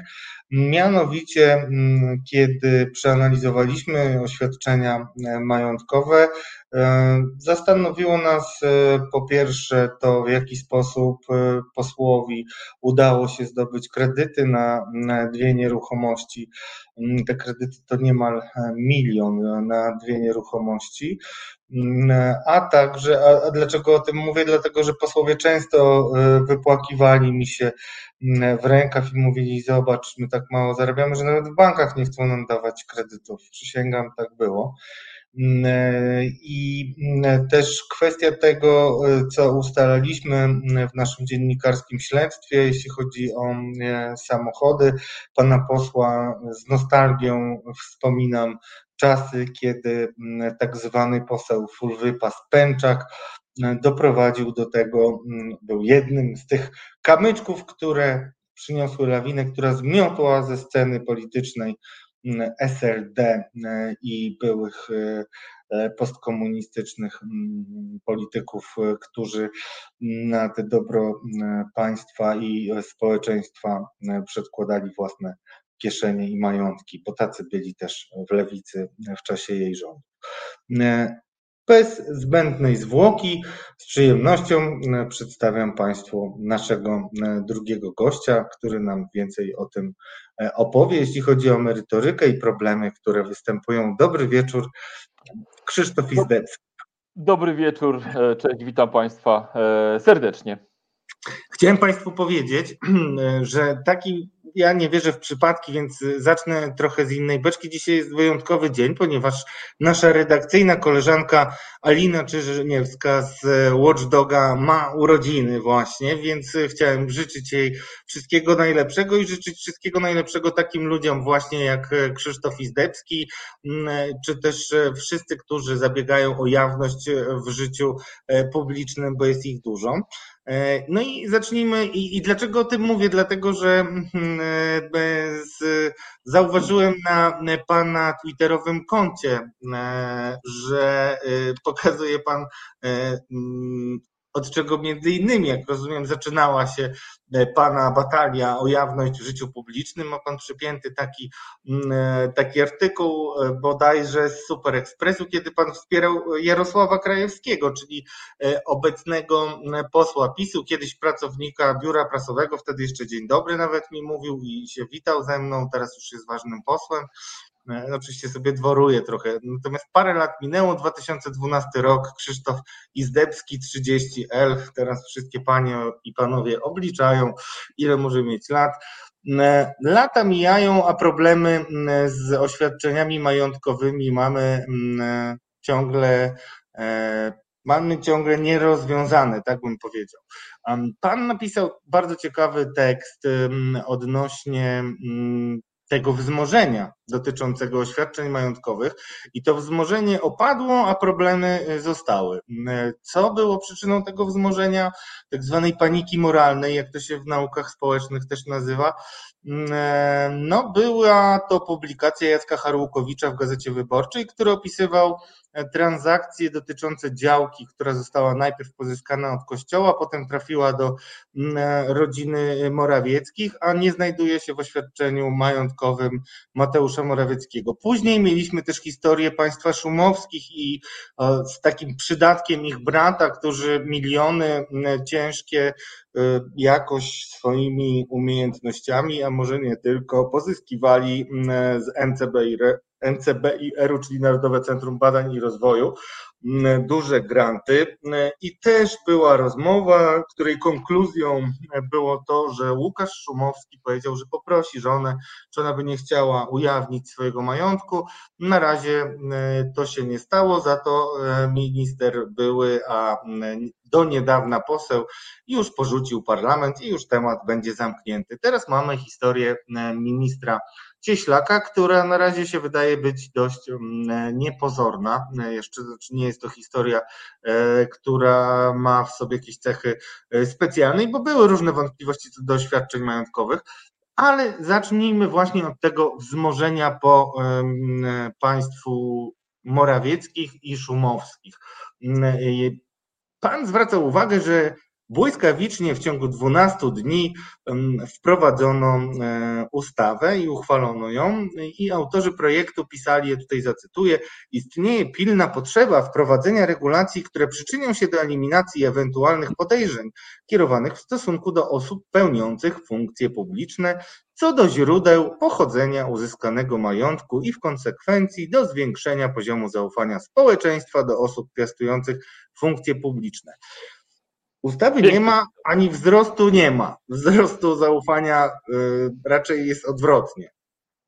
Panie Dobrze, to, y, to jest temat, bardzo dziękuję za zaproszenie, szczególnie do tego tematu, bo to jest rzeczywiście jeden z moich y, ulubionych tematów, który jednocześnie wywołuje u mnie ogromną frustrację e, i cieszę się, że nie tylko u mnie w jakimś sensie, nie dlatego, że panu redaktorowi... Czuje pan to, tak. Niepokój, e, niepokój jakiś wewnętrzny e, w sobie, natomiast no, temat jest rzeczywiście ważny, czy wręcz bym powiedział kluczowy dla przejrzystości życia publicznego, dla kwestii zaufania właśnie, o której tu była mowa, obywateli do, do państwa i do jego instytucji, do jego reprezentantów, no ale też e, do kwestii związanych e, z korupcją, czy przeciwdziałaniem korupcji i konfliktom interesów. Także tu jest no, wiele takich elementów, które, z którymi mamy do czynienia. Jeszcze mógłbym dołożyć chociażby no, w tym konflikcie interesów, o którym wspomniałem, to się z tym wiąże też związki biznesu z politykami czy z urzędnikami, prawda?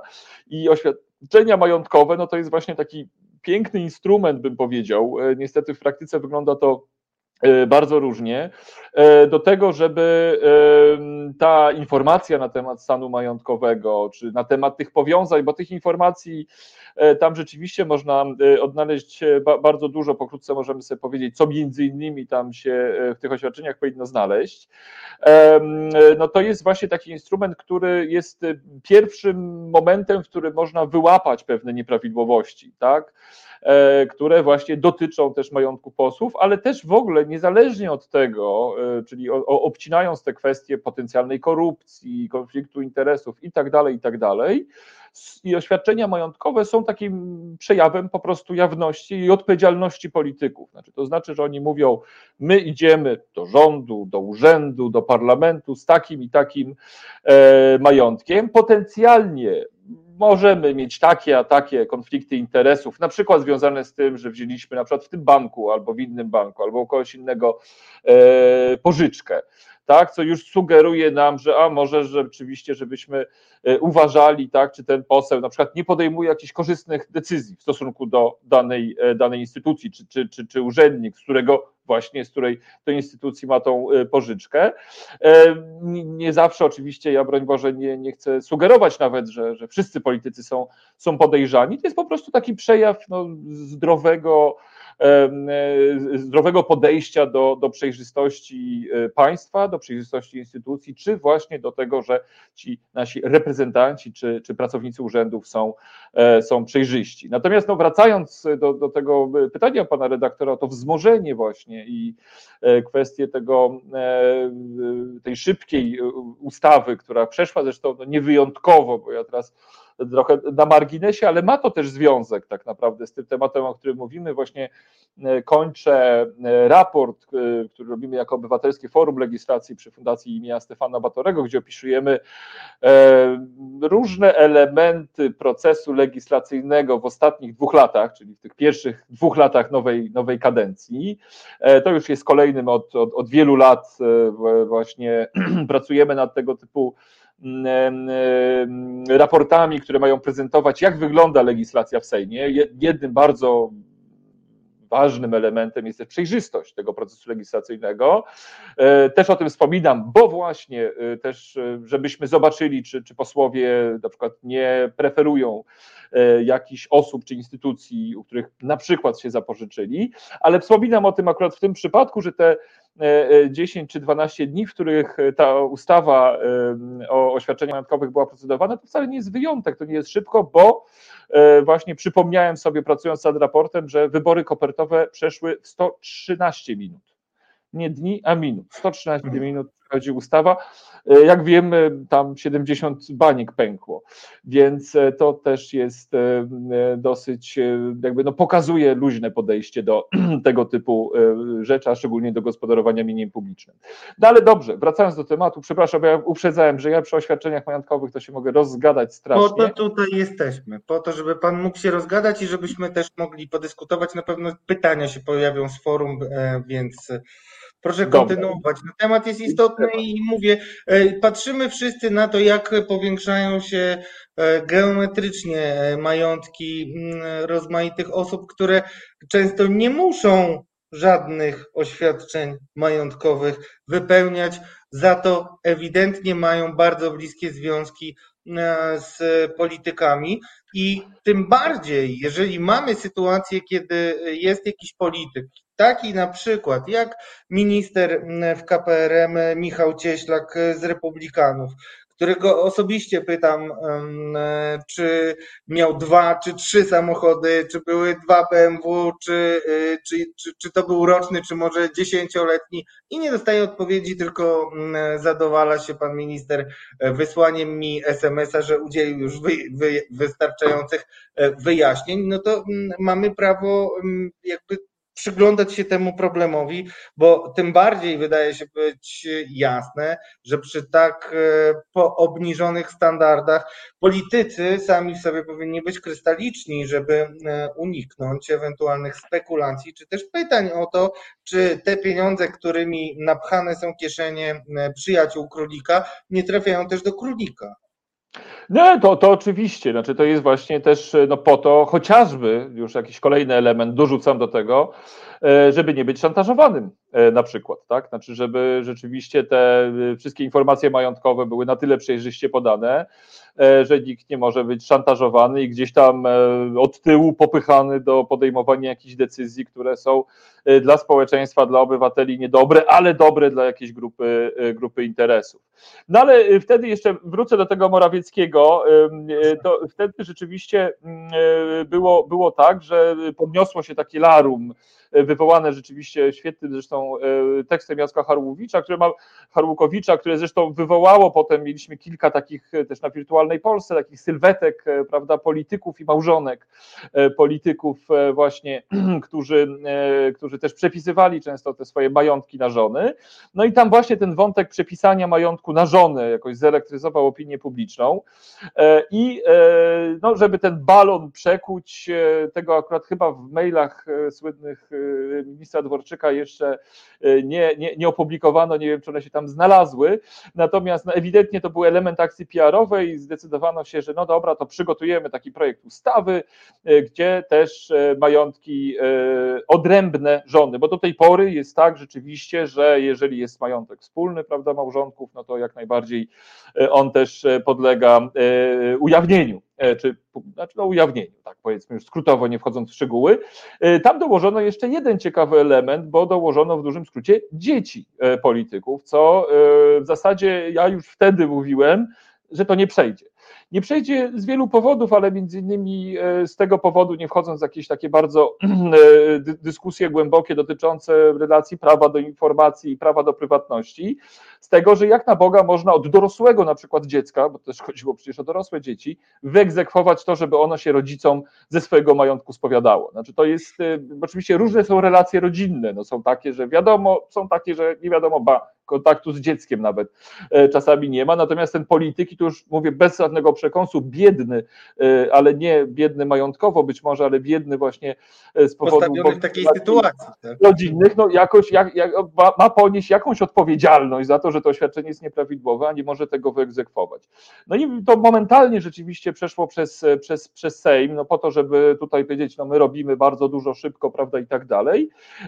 I bez też dla mnie większego zaskoczenia zaskoczenia prezydent Duda zdecydował się odesłać to do Trybunału Julii Przyłębskiej, gdzie też właśnie, bo ten tekst, do którego pan redaktor nawiązywał, on wokół tego wyroku um, omawiał właśnie, znaczy czy wokół tego wyroku się ukazał e, i e, też bez żadnej niespodzianki no, orzeczono, że tutaj te dzieci to absolutnie nie, Jednocześnie Trybunał no, powiedział, że to ponieważ jest tak ważny element e, te dzieci tutaj w tej, w tej ustawie, e, że e, no, cała ustawa generalnie powinna trafić do kosza. Łącznie z tym, że miał być ujawniony, miał być ujawniony majątek ten oddzielny małżonków. Ale w ogóle od tego może zacznę też, czy, czy nawiążę do tego, bo to właśnie w tym, w tym moim tekście wtedy się ukazało, to w ogóle nie jest najważniejszy problem, jaki mamy z oświadczeniami majątkowymi w Polsce od wielu, wielu, wielu lat e, i nie ma na horyzoncie e, żadnych e, praktycznych rozwiązań czy propozycji. Jak Państwo wiedzą doskonale, a szczególnie dziennikarze, pan redaktor, który no wiem, że badał chociażby tutaj ostatnio te oświadczenia majątkowe, one w dużej części, jeżeli nie przeważającej, są wypisywane ręcznie. Tak, my nie mamy, Polska jest jednym z niewielu krajów tak naprawdę w Europie, ale też i na świecie, e, w którym oświadczenia majątkowe wypisywane są trochę jak e, recepty, tak, że tylko może aptekarz przeczytać, co lekarz napisał, e, co w praktyce uniemożliwia skuteczną kontrolę. Tym, czy ja się też zajmuję... To jest kazus Szumowskiego, przepraszam, że wchodzę w słowo, to Łukasz Szumowski mógł tutaj powiedzieć, no lekarskie rzeczywiście pismo, e, tak. To prawda, to prawda, to prawda, tak, dobre, dobre, to dobre też nie było konsekwencji, tu przepraszam, y, nie było też konsekwencji, kiedy okazało się, że cyferki też mu się pomyliły i nagle musiał robić korektę i to korektę, która najpierw y, była, znaczy co do której wątpliwości najpierw wskazali dziennikarze i to w ogóle przeszło bokiem, więc to tak tylko na marginesie, ale bardzo w temacie. No y, tak, tak, no ale generalnie no jakby pojedyncze oświadczenia jeszcze jakoś możemy czytać, rozczytywać, domyślać się. To jest zresztą bardzo wygodne dla polityków, bo oni mogą powiedzieć, oj tutaj z rozpędu, prawda, nie wpisałem tego, tak? No bo one też sprawiają wrażenie pisanych, pisanych w pośpiechu. E, I rzeczywiście tak zresztą jak w tym, e, w, tym, w tym artykule, czy w tym śledztwie dziennikarskim, który pan redaktor też przywoływał na samym początku, który się ukazał na portalu Radia, Radia Z, no tak tych korekt było mnóstwo składanych. No i też można powiedzieć, no to z pośpiechu zapomniałem, tak? Znaczy normalnie powinno być tak, że jest to formularz wypełniany w sposób elektroniczny, który no też nie, nie jest łatwo rzeczywiście daje pewne pola, podpowiedzi nawet, co powinno zostać wpisane i tak dalej, i tak dalej, tak żeby minimalizowało to, E, tą możliwość e, no, wykręcenia się od tego i powiedzenia, że zapomniało się o czymś. Ja nie jestem może jakimś wielkim symetrystą, ale jednak troszkę jestem. No przypomnę chociażby, że Janusz Palikot, e, jak zasiadał w Sejmie, zapomniał wpisać do oświadczenia majątkowego samolot. Rozumiem, że jak się ma duży majątek, to można zapomnieć o samolocie, który nie był wielkim pasażerskim samolotem, a takim bardziej rekreacyjno-turystycznym, no ale mimo wszystko, tak? Czy już potem minister środowiska w pierwszym rządzie PiSu zapomniał miał wpisać e, stodołę, tam taką e, dużą, wyremontowaną okay. Tak, natomiast e, no, to, to, to jest jakby ten pierwszy problem, tak, ale to jest problem, który jest też już wyraźny na tym poziomie, kiedy chcemy analizować oświadczenia poszczególnych posłów czy senatorów. Natomiast ja zwracam Państwa uwagę na jeszcze jedną rzecz. W Polsce nie wiadomo dokładnie ile, ale szacuje się, że to jest no, dobre kilkaset tysięcy osób jest zobowiązanych do składania oświadczeń majątkowych. Mówimy o wszystkich radnych, najmniejszych gmin, prezydentach, burmistrzach, wójtach, wielu urzędnikach i tak dalej, i tak. To jest prawie milion oświadczeń majątkowych. No może przesadzam, milion, ale gdzieś tak 500-600 tysięcy e, tych oświadczeń majątkowych rocznie jest składanych, e, z czego CBA e, jest w stanie zbadać około promila. Też między innymi dlatego, że ponieważ nie jest to pisane na formularzu elektronicznym, który umożliwia tak zwane maszynowe odczytywanie, nie możemy dokonać, no właśnie, takich maszynowych analiz, tak? Czyli tego, jak to się ładnie teraz nazywa, big data, na dużych danych pracowania, żeby e, pewne nieprawidłowości tam wykazać, czy nawet, żeby prześwietlić e, za te ostatnich kilka lat e, oświadczenia tego samego posła, no to rzeczywiście wymaga to lektury kilku, prawda, tych oświadczeń, czy kilkunastu nawet e, często, bo te osoby też pełnią kilka funkcji naraz. My też mamy niejednorodne, jest kilkanaście wzorów oświadczeń majątkowych, e, kilka ustaw, które to, e, to regulują, więc ten system w ogóle jest taki, bym powiedział, szukam ładnego słowa, niecałościowy, rozfra- o, fragmentaryzowany. O.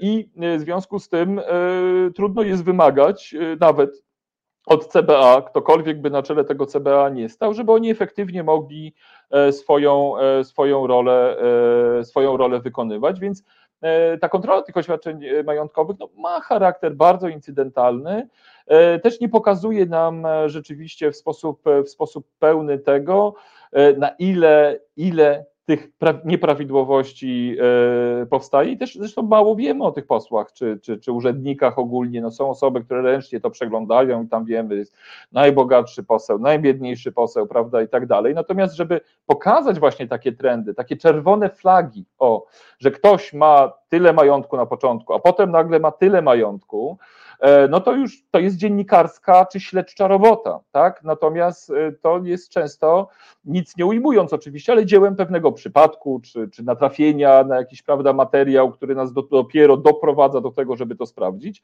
E, no a możemy to rzeczywiście bardzo efektywnie w sposób elektroniczny pewnie, pewnie osiągnąć.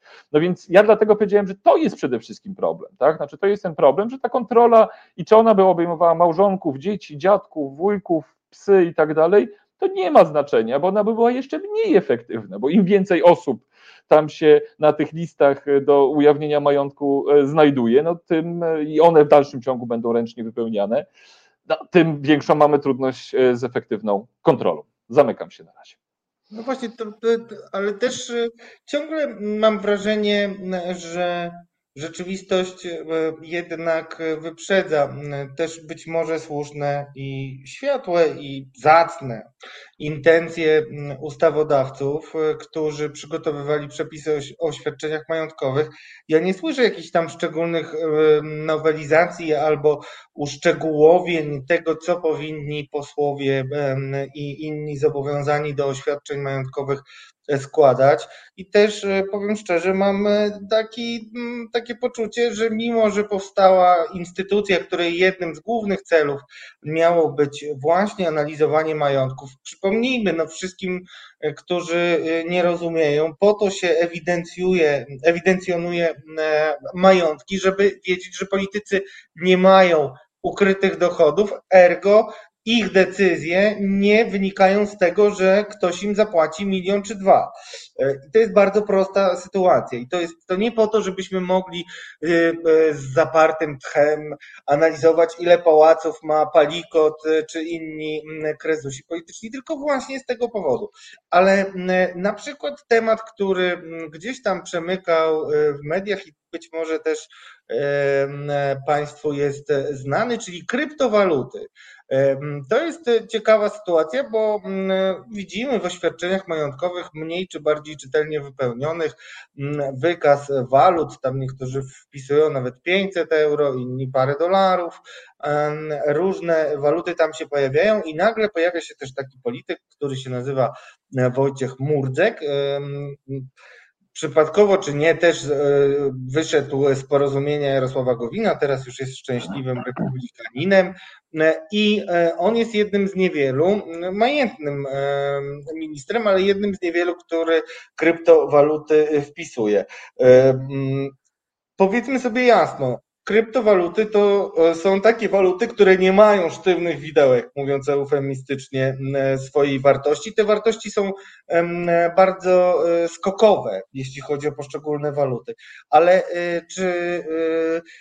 I jeszcze jeden paradoks, drodzy Państwo. Kiedy szukałem jakichś szczegółowych przypadków dotyczących kryptowalut w polskiej rzeczywistości, to ich nie znalazłem w żadnych zapisach prawnych, wytycznych itd. Tak itd. Tak Natomiast znalazłem ktoś zadał sobie trud i e, przetłumaczył na język polski założenia, które miały przyświecać powołaniu takiemu, takiego CBA na Ukrainie, gdzie mamy rządy kleptokracji absolutne, oligarchów, wielkie łapówki itd., tak itd. Tak I tam Ukraińcy jakoś to e, zauważyli już wiele lat temu, że kryptowaluty należy wpisywać i powinno być to wprost jasno powiedziane. Na ile, y, czy, czy tutaj mamy jakikolwiek spór, jeśli chodzi o to, czy wpisywać, czy nie wpisywać y, kryptowaluty? One reprezentują sobą taką czy inną, taką lub inną e, wartość. Jaka jest Pana ocena tego zjawiska? Coraz więcej się mówi o obrocie bezgotówkowym, o wycofaniu, o wycofaniu się świata z gotówki. E, no i to jest też y, być może mm, pokusa, która może mm, być dla niektórych nie do odparcia, bo wydaje się, że takie pieniądze trudno jest śledzić. E, no na pewno. Dużo, dużo wątków, ale pan też e, potrafi wielowątkowo opowiadać. Ja też wielowątkowo. Rzeczywiście no, e, trochę mam do, do czynienia też z, z, technologiami, ale może specjalistą nie, nie, nie będę panu, pa, pa, Państwu tutaj mógł zarekomendować, jak najlepiej wykopać kryptowaluty. Natomiast no, w tym kontekście to jest rzeczywiście bardzo, bardzo ciekawa kwestia. Tylko tak wspomnę, bo tutaj pan redaktor wspomniał kwestię Ukrainy. Paradoksalnie, paradoksalnie też, bo to słowo chyba przy, przy Ukrainie też zostało użyte, Ukraina ma świet, bardzo przejrzysty system i oświadczeń majątkowych, e, i e, wydatków publicznych. Znaczy jest ten system taki e, dotyczący pokazywania, w jaki sposób wyglądają zamówienia publiczne na Ukrainie, jest przykładem, którym powinien czerpać cały świat i część świata czerpie. Nawet tutaj mogę powiedzieć, że Polska trochę też i niedługo możemy się spodziewać naprawdę fajnego narzędzia, e, jeżeli o to chodzi, ale to zostawmy na boku. E, no i rzeczywiście, no tutaj przykład posła, który wpisał do, do oświadczenia majątkowego te bitcoiny, jest przykładem, za którym ja bym poszedł, ponieważ ja osobiście no nie mam wątpliwości, że bitcoin jako coś, co posiada określoną wartość, wiadomo, że tak, ona e, też jest, jest skokowa, ale e, ona się klasyfikuje e, jako co najmniej dwie kategorie danych, które powinny w oświadczeniu majątkowym się znaleźć. Trzymając się tych posłów, no to, to reguluje akurat ustawa o E, wykonywaniu mandatu posła i senatora. Jest mowa albo o zasobach pieniężnych, które się mm, e, ma. E, może być jakaś dyskusja, czy to są zasoby pieniężne, czy bitcoin jest pieniądzem jako, jako takim, no, ale też jest na pewno rzeczą w jakimś sensie też ruchomą, czy taką, która ma, ma swoją określoną wartość, więc wpisywanie bitcoinów jako składników majątkowych właśnie moim zdaniem teraz już nie tyle jest możliwe, co nawet powinno być wymagane. Ale zgadzam się, zgadzam się, e, że przy tym wszystkim właśnie, przy tym problematycznym systemie, który mamy, związanym z oświadczeniami majątkowymi, e, niektóre te kategorie nie zawsze są jasne. Więc wpisać również kryptowaluty, które są coraz bardziej popularne, no i często to nie mówimy, one z reguły nie posiada się je w wysokości 10 zł, czy o wartości 10 zł, czyli raczej E, jednak to są spore kwoty, no nie zawsze mówię, że milionowe, ale, ale takie, które rzeczywiście są jakoś tam e, wyraźne, z chęcią na jeszcze powiększenie tego swojego zysku, e, powinno być rzeczywiście objęte taką wyraźną kategorią, żeby wpisać to w oświadczenie majątkowe, mimo że ja uważam, że już teraz one się tam powinny, powinny znaleźć, ale wyobrażam sobie posłów, senatorów, urzędników, którzy mówili, no dobra, wprost nie jest to napisane, to napiszmy to wprost. Właśnie takie um, formularz, formularz oświadczenia majątkowego, który elektroniczny wymuszałby no nawet odklikanie tego, prawda, jak, jak mamy takie czerwone gwiazdki obowiązkowe, masz bitcoiny, czy nie masz bitcoinów, tak? Więc mhm. no, tu trzeba wyraźnie przy tych wszystkich problemach, które widzimy, no podpowiadać, podpowiadać po prostu i, i, wymagać. Tak jak my musimy dbać o różne wypełniane prawidłowe formularze PIT, prawda, 37, PITy różne i tak dalej, e, no to ja nie wiem, dlaczego jest taka taryfa ulgowa dla, e, dla posłów i polityków, czy urzędników w ogóle w tym, w tym przypadku, szczególnie jak mówimy sobie od początku tego e, programu, te oświadczenia majątkowe są bardzo, bardzo ważne. No właśnie to takie pytanie mm, e, zdradzę Państwu, mm, bo nie jest to znany fakt, że mm, no, miałem okazję śledzić kilka e, takich kontroli CBA bardzo wnikliwie, patrząc na to, jak były przeprowadzane, w związku z tym, że one się kończą takim protokołem dość szerokim, e, który wymienia różne zastrzeżenia i te zastrzeżenia, które widziałem w różnych kontrolach, pokazują, jak szeroki jest zakres możliwości weryfikacji tych oświadczeń. Ale muszę Państwu powiedzieć, że w momencie, kiedy była taka krótka dyskusja o kryptowalutach, no to bardzo się zdziwiłem, bo oficerowie służb przyszli do jednego z polityków, który wpisał właśnie kryptowalutę i go pytali, jak to się robi mniej więcej, krótko i na temat. No i chciałem Pana spytać e, w związku z tym szerzej trochę, e, czy, czy Pan obserwuje, że władze państwowe instytucje, które przecież w dobie e, cyfryzacji mają coraz większe narzędzia, nadążają za e, nowymi e, technologiami, czy z racji na to, że mamy też polityków z epoki analogowej, oni sobie nawet nie zdają sprawy z tego, jak mogą funkcjonować różne technologie. Dobrym przykładem, choć nie z tej dziedziny, jest Pegasus, który dzisiaj jest wielkim problemem partii rządzącej, bo ktoś partii rządzącej powiedział, że jest niewykrywalny. Ale chodzi mi o to, czy politycy i służby e, z Pana e, obserwacji w ogóle starają się nadążyć za rzeczywistością cyfrową, która stwarza różne nowe możliwości korupcyjne. E, no to jest e, pytanie, na które e, odpowiem jakby dywersyfikując dwie grupy ludzi. Znaczy moim zdaniem, jeżeli chodzi o kompetencje, które są, chociaż też bywa z tym różnie, ale to właśnie przez wpływy polityczne niestety, ale powiedzmy, że osoby, które pracują właśnie tak na poziomie operacyjnym w służbach, czy w tych instytucjach, które chociażby dbają o nasze cyberbezpieczeństwo, ten poziom jest dosyć wysoki, tak? Znaczy to, to, to są kompetentni ludzie. Tutaj bardzo dużo rozbija się jednak o te kwestie polityczne, czy tego politycznego nadzoru i nad tym, e, czy jest dobra wola, żeby też z pracy tych osób po prostu korzystać. E, bo jest takich, no, no muszę powiedzieć, i też samych informatyków tak zwanych, tak, czyli czy osób, które znają się po prostu na tych kwestiach cyfrowych czy technologicznych, które jednocześnie e, abstrahując zupełnie od polityki, no mają taką silną, silne też poczucie e, chęci zrobienia czegoś dla, dla państwa, dla interesu publicznego. E, tylko ja mam wrażenie, że ich potencjał nie jest w pełni wykorzystywany. I tutaj mamy, tutaj jest problem. Czyli ja myślę, że te kompetencje są, narzędzia mogą być, jeżeli się chce, no bo też no, trzeba oddać sprawiedliwość. No, i policja, abstrahując od służb specjalnych, ale też no, naprawdę podejmuje wiele czynności, jeżeli chodzi o to, o, o, jakąś próbę przeciwdziałania przestępstwom, które wydarzają się w sieci i tak dalej. Nie zawsze z sukcesem i myślę, że tutaj część państwa, które też padło chociażby ofiarą oszustów internetowych, może być e, rozczarowana, czy wręcz dziwić się e, z tego to, temu, co ja mówię.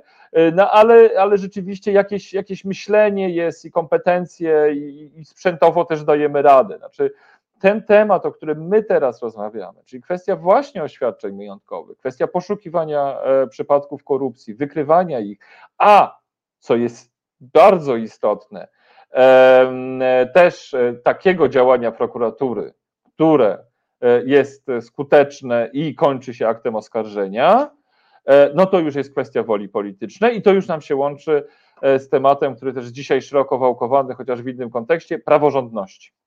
E, tak, czyli tego, na ile ja mówię już wola polityczna, no bo prokuratura jest polityczna w tej chwili, Więc ja też nie mam na myśli właśnie, nie wiem, polityków, czyli ministrów, ale już na tym poziomie właśnie chociażby prokuratury, co dzieje się z tymi sprawami, które są wykrywane, co dzieje się z takimi sprawami, gdzie jest jakiś sygnał, czy one są w ogóle podejmowane, to w dużej części w przypadku właśnie osób publicznych, polityków, urzędników, ja mam takie wrażenie, e, że to jest bardziej decyzja polityczna niż decyzja operacyjna. To jeszcze jedna, e, jedno pytanie, bo często łapałem Pana, kiedy dzwoniłem w samolotach. Pan bardzo często po e, różnych krajach Unii, a także Wielkiej Brytanii podróżował na, w różnych gremiach i chciałem zapytać o, o jedną kwestię. Jeśli chodzi o praworządność, skoro Pan do niej nawiązał, to już ostatnie pytanie, trochę na boku naszej dyskusji. Polska e, partia rządząca, polska partia rządząca, czyli PiS, bardzo często mówi, że no ale o co tutaj chodzi, jeśli chodzi o praworządność, to gdyby literalnie czytać te zapisy, które są nazywane pieniądze za praworządność, no to chodzi o pieniądze europejskie, a my przecież mamy super rozliczane fundusze, nie mamy tutaj nic sobie do zarzucenia, tylko kwestia rozszerzania interpretacji tej zasady powoduje, że no, zaraz stracimy suwerenność. To już naprawdę bardzo duży skrót zrobiłem, ale do tego się to sprowadza, jeśli chodzi o propagandę. Tymczasem w Polsce za e, ściganie korupcji także w obszarze e, środków europejskich no, jest odpowiedzialny nie kto inny jak CBA, czyli ta służba, która zajmuje się głównie inwigilowaniem opozycji. Um, przynajmniej te jej dokonania są najgłośniejsze, tak bym powiedział. E, zapytam, czy Pana zdaniem mm, tutaj, jeśli chodzi o Polskę mm, i takie delegowanie zadań, między innymi przez instytucję unijną, jaką jest OLAF, czyli OLAF mm, tropiący korupcję w strukturach Unii, to słyszeliśmy na przykład o zatrudnieniach e, fałszywych asystentów, o kilometrówkach, to są wszystko ustalenia kontrolerów OLAFa. Ja mogę powiedzieć, że ci, którzy mieli z nimi do czynienia, mówili, że tak przypominali im z opisów NKWD, więc to są ludzie naprawdę zdeterminowani w ściganiu, ale moje pytanie jest następujące. Czy nawet tak duża determinacja i rzetelność Olafa, jeżeli zostaje swoimi konkluzjami poprowadzona, znaczy ze swoimi konkluzjami skierowana do prokuratury krajowej w Polsce, która, jak sam pan powiedział, jest polityczna, e, to czy ten system może nam w ogóle pokazywać, jaka jest skala ewentualnej korupcji także w środkach europejskich. Bo ja znam przykłady spraw, które kierował Olaf, już abstrahując od tego, że gdyby nie to, że wysłałem pytania do prokuratury, to mogłyby one w ogóle nie ruszyć, bo były podobno wysyłane na stary adres prokuratury. Tak usłyszałem w prokuraturze autentycznie, drodzy Państwo, że Olafa nie dostali pisma, bo, bo, no bo pewnie poszło na inną siedzibę. Koniec końców. Olaf kieruje swoje ustalenia do prokuratury i to ona ma dalej ścigać, sprawdzać i doprowadzić do, no, no podejmować w ogóle decyzje kierunkowe, procesowe, czy coś jest przestępstwem, czy nie jest przestępstwem. Czy to w ogóle nie powoduje, że realnie to my jesteśmy ślepi na to, jaka jest skala korupcji, także w zakresie środków płynących z Unii? E, zdecydowanie. Znaczy tutaj jeszcze dodam, że Polska jest jednym z niewielu, nie jedynym, e, ale jednym z niewielu e, krajów Unii Europejskiej, która właśnie nie przystąpiła do Europejskiej Prokuratury. To jest taki model, gdzie też Unia Europejska chciałaby przejąć pewne możliwości robienia śledztw. E, I e, jest to rzeczywiście odpowiedź na to właśnie, że w niektórych, no nie tylko w Polsce, bo też problem z Węgrami mamy, prawda, z Bułgarią. Panie tylko też powiedzmy o tym, bo o tym się bardzo mało mówi, że nie chodzi o jakieś tam śledztwa dotyczące nawet najgłośniejszych morderstw, tylko śledztwa dotyczące e, korupcji na wysoką skalę, tak? Bo to są tak, te śledztwa, które to, są... Tak, to jest do, dokładnie, znaczy to jest, to jest kwestia dużej korupcji, to jest kwestia tych środków europejskich też przede wszystkim. I e, ja, ja muszę powiedzieć właśnie a propos, e, a propos też tego wątku międzynarodowego w tym, w tym przypadku, no miałem taką rozmowę z przedstawicielami Komisji Europejskiej całkiem niedawno, e, którzy strasznie chcieli wyciągnąć ode mnie różne przykłady korupcji przy okazji środków europejskich. Ja próbowałem im tłumaczyć, oczywiście wskazując pewne przykłady, no bo trochę mamy tych, tych case'ów, ale to są case'y, które albo są właśnie ujawnione przez dziennikarzy, e, albo gdzieś e, no coś tam to CBA, czy prokuratura, czy policja, bo tak naprawdę w ogóle to policja najczęściej też podejmuje te działania e, związane z przeciwdziałaniem korupcji.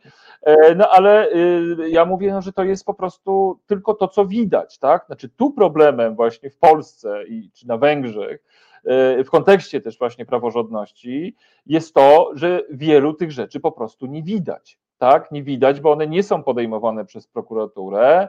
E, one nie wychodzą, ponieważ też jest sieć zależności na poziomie e, tych, którzy otrzymują dotacje i tych, którzy te dotacje rozliczają tak, bardzo często. E, ja nie wiem, jakby się skończyła, nie wiem, kwestia na przykład e, tych dotacji, które poseł Mejza otrzymał, tak, no tam weszła kontrola i ten to na wskutek właśnie pracy, pracy dziennikarzy tak naprawdę, ale takich przypadków jest, e, jest, bardzo, jest bardzo wiele, więc nieefektywna prokuratura. Ja, ja, ja nawet mówię w kontekście korupcji, i naruszenia interesu publicznego, ja bym nawet powiedział, nie chcąc e, tutaj jakby umniejszać e, kwestii sądów, ale ja myślę, że większym problemem, z którym my mamy do czynienia, to jest właśnie uzależnienie prokuratury od polityków niż uzależnienie prokuratury od sądów w tym kontekście. I o tym niestety rzeczywiście mało się dosyć mówi, ale problem jest tutaj właśnie od tego względu spory, ponieważ po prostu te sprawy nie ruszają i nawet opinia publiczna, wiadomo, też rozgoryczona właśnie tym. Ale nawet uzależnienie jak... prokuratury od sądów? Y, czy nie, od polityków, od polityków. Od, bo pan powiedział uzależnienie sądów od polityków, tak? Prokuratury. I prokuratury też od tak. polityków, e, że po prostu my, my nawet, e, po pierwsze nie wiemy, a nawet jak wiemy o tych przypadkach, no to one gdzieś grzęzną tam na lata i to jest właśnie bardzo dobry przykład, chociażby kilometrówek, e, czy konferencji, którą Solidarna Polska zorganizowała dwa, czy kilka więcej już, ten czas szybko mija, ileś lat temu i też zwrócono uwagę na nieprawidłowości przy, przy rozliczaniu tych kwestii. Plus jeszcze, i to już pewnie tak patrząc na zegarek, chociaż widzę, że też mam jakieś pytanie na czacie, e, e, e, jedno, może będzie jeszcze czas odpowiedzieć.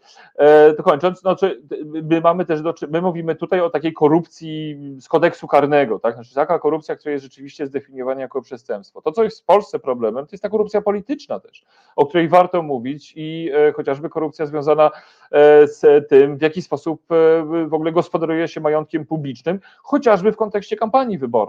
No, rola telewizji publicznej e, w kampanii wyborczej no, jest w pewnym sensie też związana z korupcją polityczną, tak? czy marnotrawieniem pieniędzy publicznych, już niezależnie czy one są europejskie, czy nieeuropejskie. Tak, wydatkowanie pieniędzy właśnie na różnego rodzaju, nie wiem, dotacje, wsparcie, kupowanie, no to też te maile Dworczyka bardzo pokazują, czasami drobne rzeczy, ale takie właśnie kupowanie jakichś albumów za kilkadziesiąt tysięcy od znajomych, no to, to właśnie pokazuje w jaki sposób to, to funkcjonuje. To nie jest nielegalne, tak, w tym sensie, natomiast ja mam wrażenie i to jest chyba też dosyć smutne, e, że zatraciliśmy taką e, taką, e, takie wyczulenie na to, tak, wrażliwość na tego typu kwestie i często się, jakby pierwsze pytanie jest, a czy to jest legalne, prawda, jak jest legalne, to niby wszystko w porządku, ale nie, ja uważam, że w sferze polityki nie wszystko jest w porządku, znaczy legalizm nie jest jedynym wyznacznikiem, jeżeli chodzi o jakość polityki. I to jest chyba dobra puenta, bo niestety musimy kończyć, ale e, rzeczywiście warto o tym mówić, bo politycy tej ekipy szczególnie mówią, przecież wszystko jest legalne i wcześniej rozkuli sobie wszystkie e, kajdany e, prawne, kajdany w dobrym tego słowa znaczeniu, o ile kajdany mogą być w dobrym znaczeniu, czy też wysadzili bezpieczniki i dzisiaj mówią, że wszystko jest e, zgodne z prawem i rzeczywiście patrząc na to tak legalistycznie, to być może w przepisach jest wszystko ok, natomiast w praktyce no, nie jest ok i myślę, że to jest temat na nasze kolejne rozmowy, do których zachęcam. Naszym gościem był Krzysztof Izdebski. Bardzo dziękuję. Batorego. Dziękuję bardzo serdecznie i zapraszam na przyszłość. Do widzenia. Drodzy Państwo, to już koniec. Chciałem podziękować bardzo Sławomirowi Szlinkę, który był dzisiejszym producentem naszym. Dziękuję Wam, drodzy Państwo, wszystkim. Zapraszam też na jutrzejszy program Bez Wyjścia, który prowadzę z Marcinem Celińskim. Naszym gościem będzie Jan Olbrycht, bardzo dużo eurodeputowany ekspert od kwestii budżetowych, ale też doświadczony europarlamentarzysta. e, z którym porozmawiamy nie tylko na tematy bieżące, ale oczywiście będziemy się koncentrować wokół olbrzymich pieniędzy, które wciąż do Polski nie popłynęły. Dziękuję Wam bardzo za to, że mogę być z Wami. Przypominam, że utrzymujemy się dzięki Waszym dobrowolnym składkom i dopóki tak będzie, będziemy tylko wzrastać i będziemy tylko silniejsi. Dziękuję Wam wszystkim za udział w dzisiejszym programie. Do zobaczenia już jutro, a teraz, a teraz tłusty druk. Reset Obywatelski.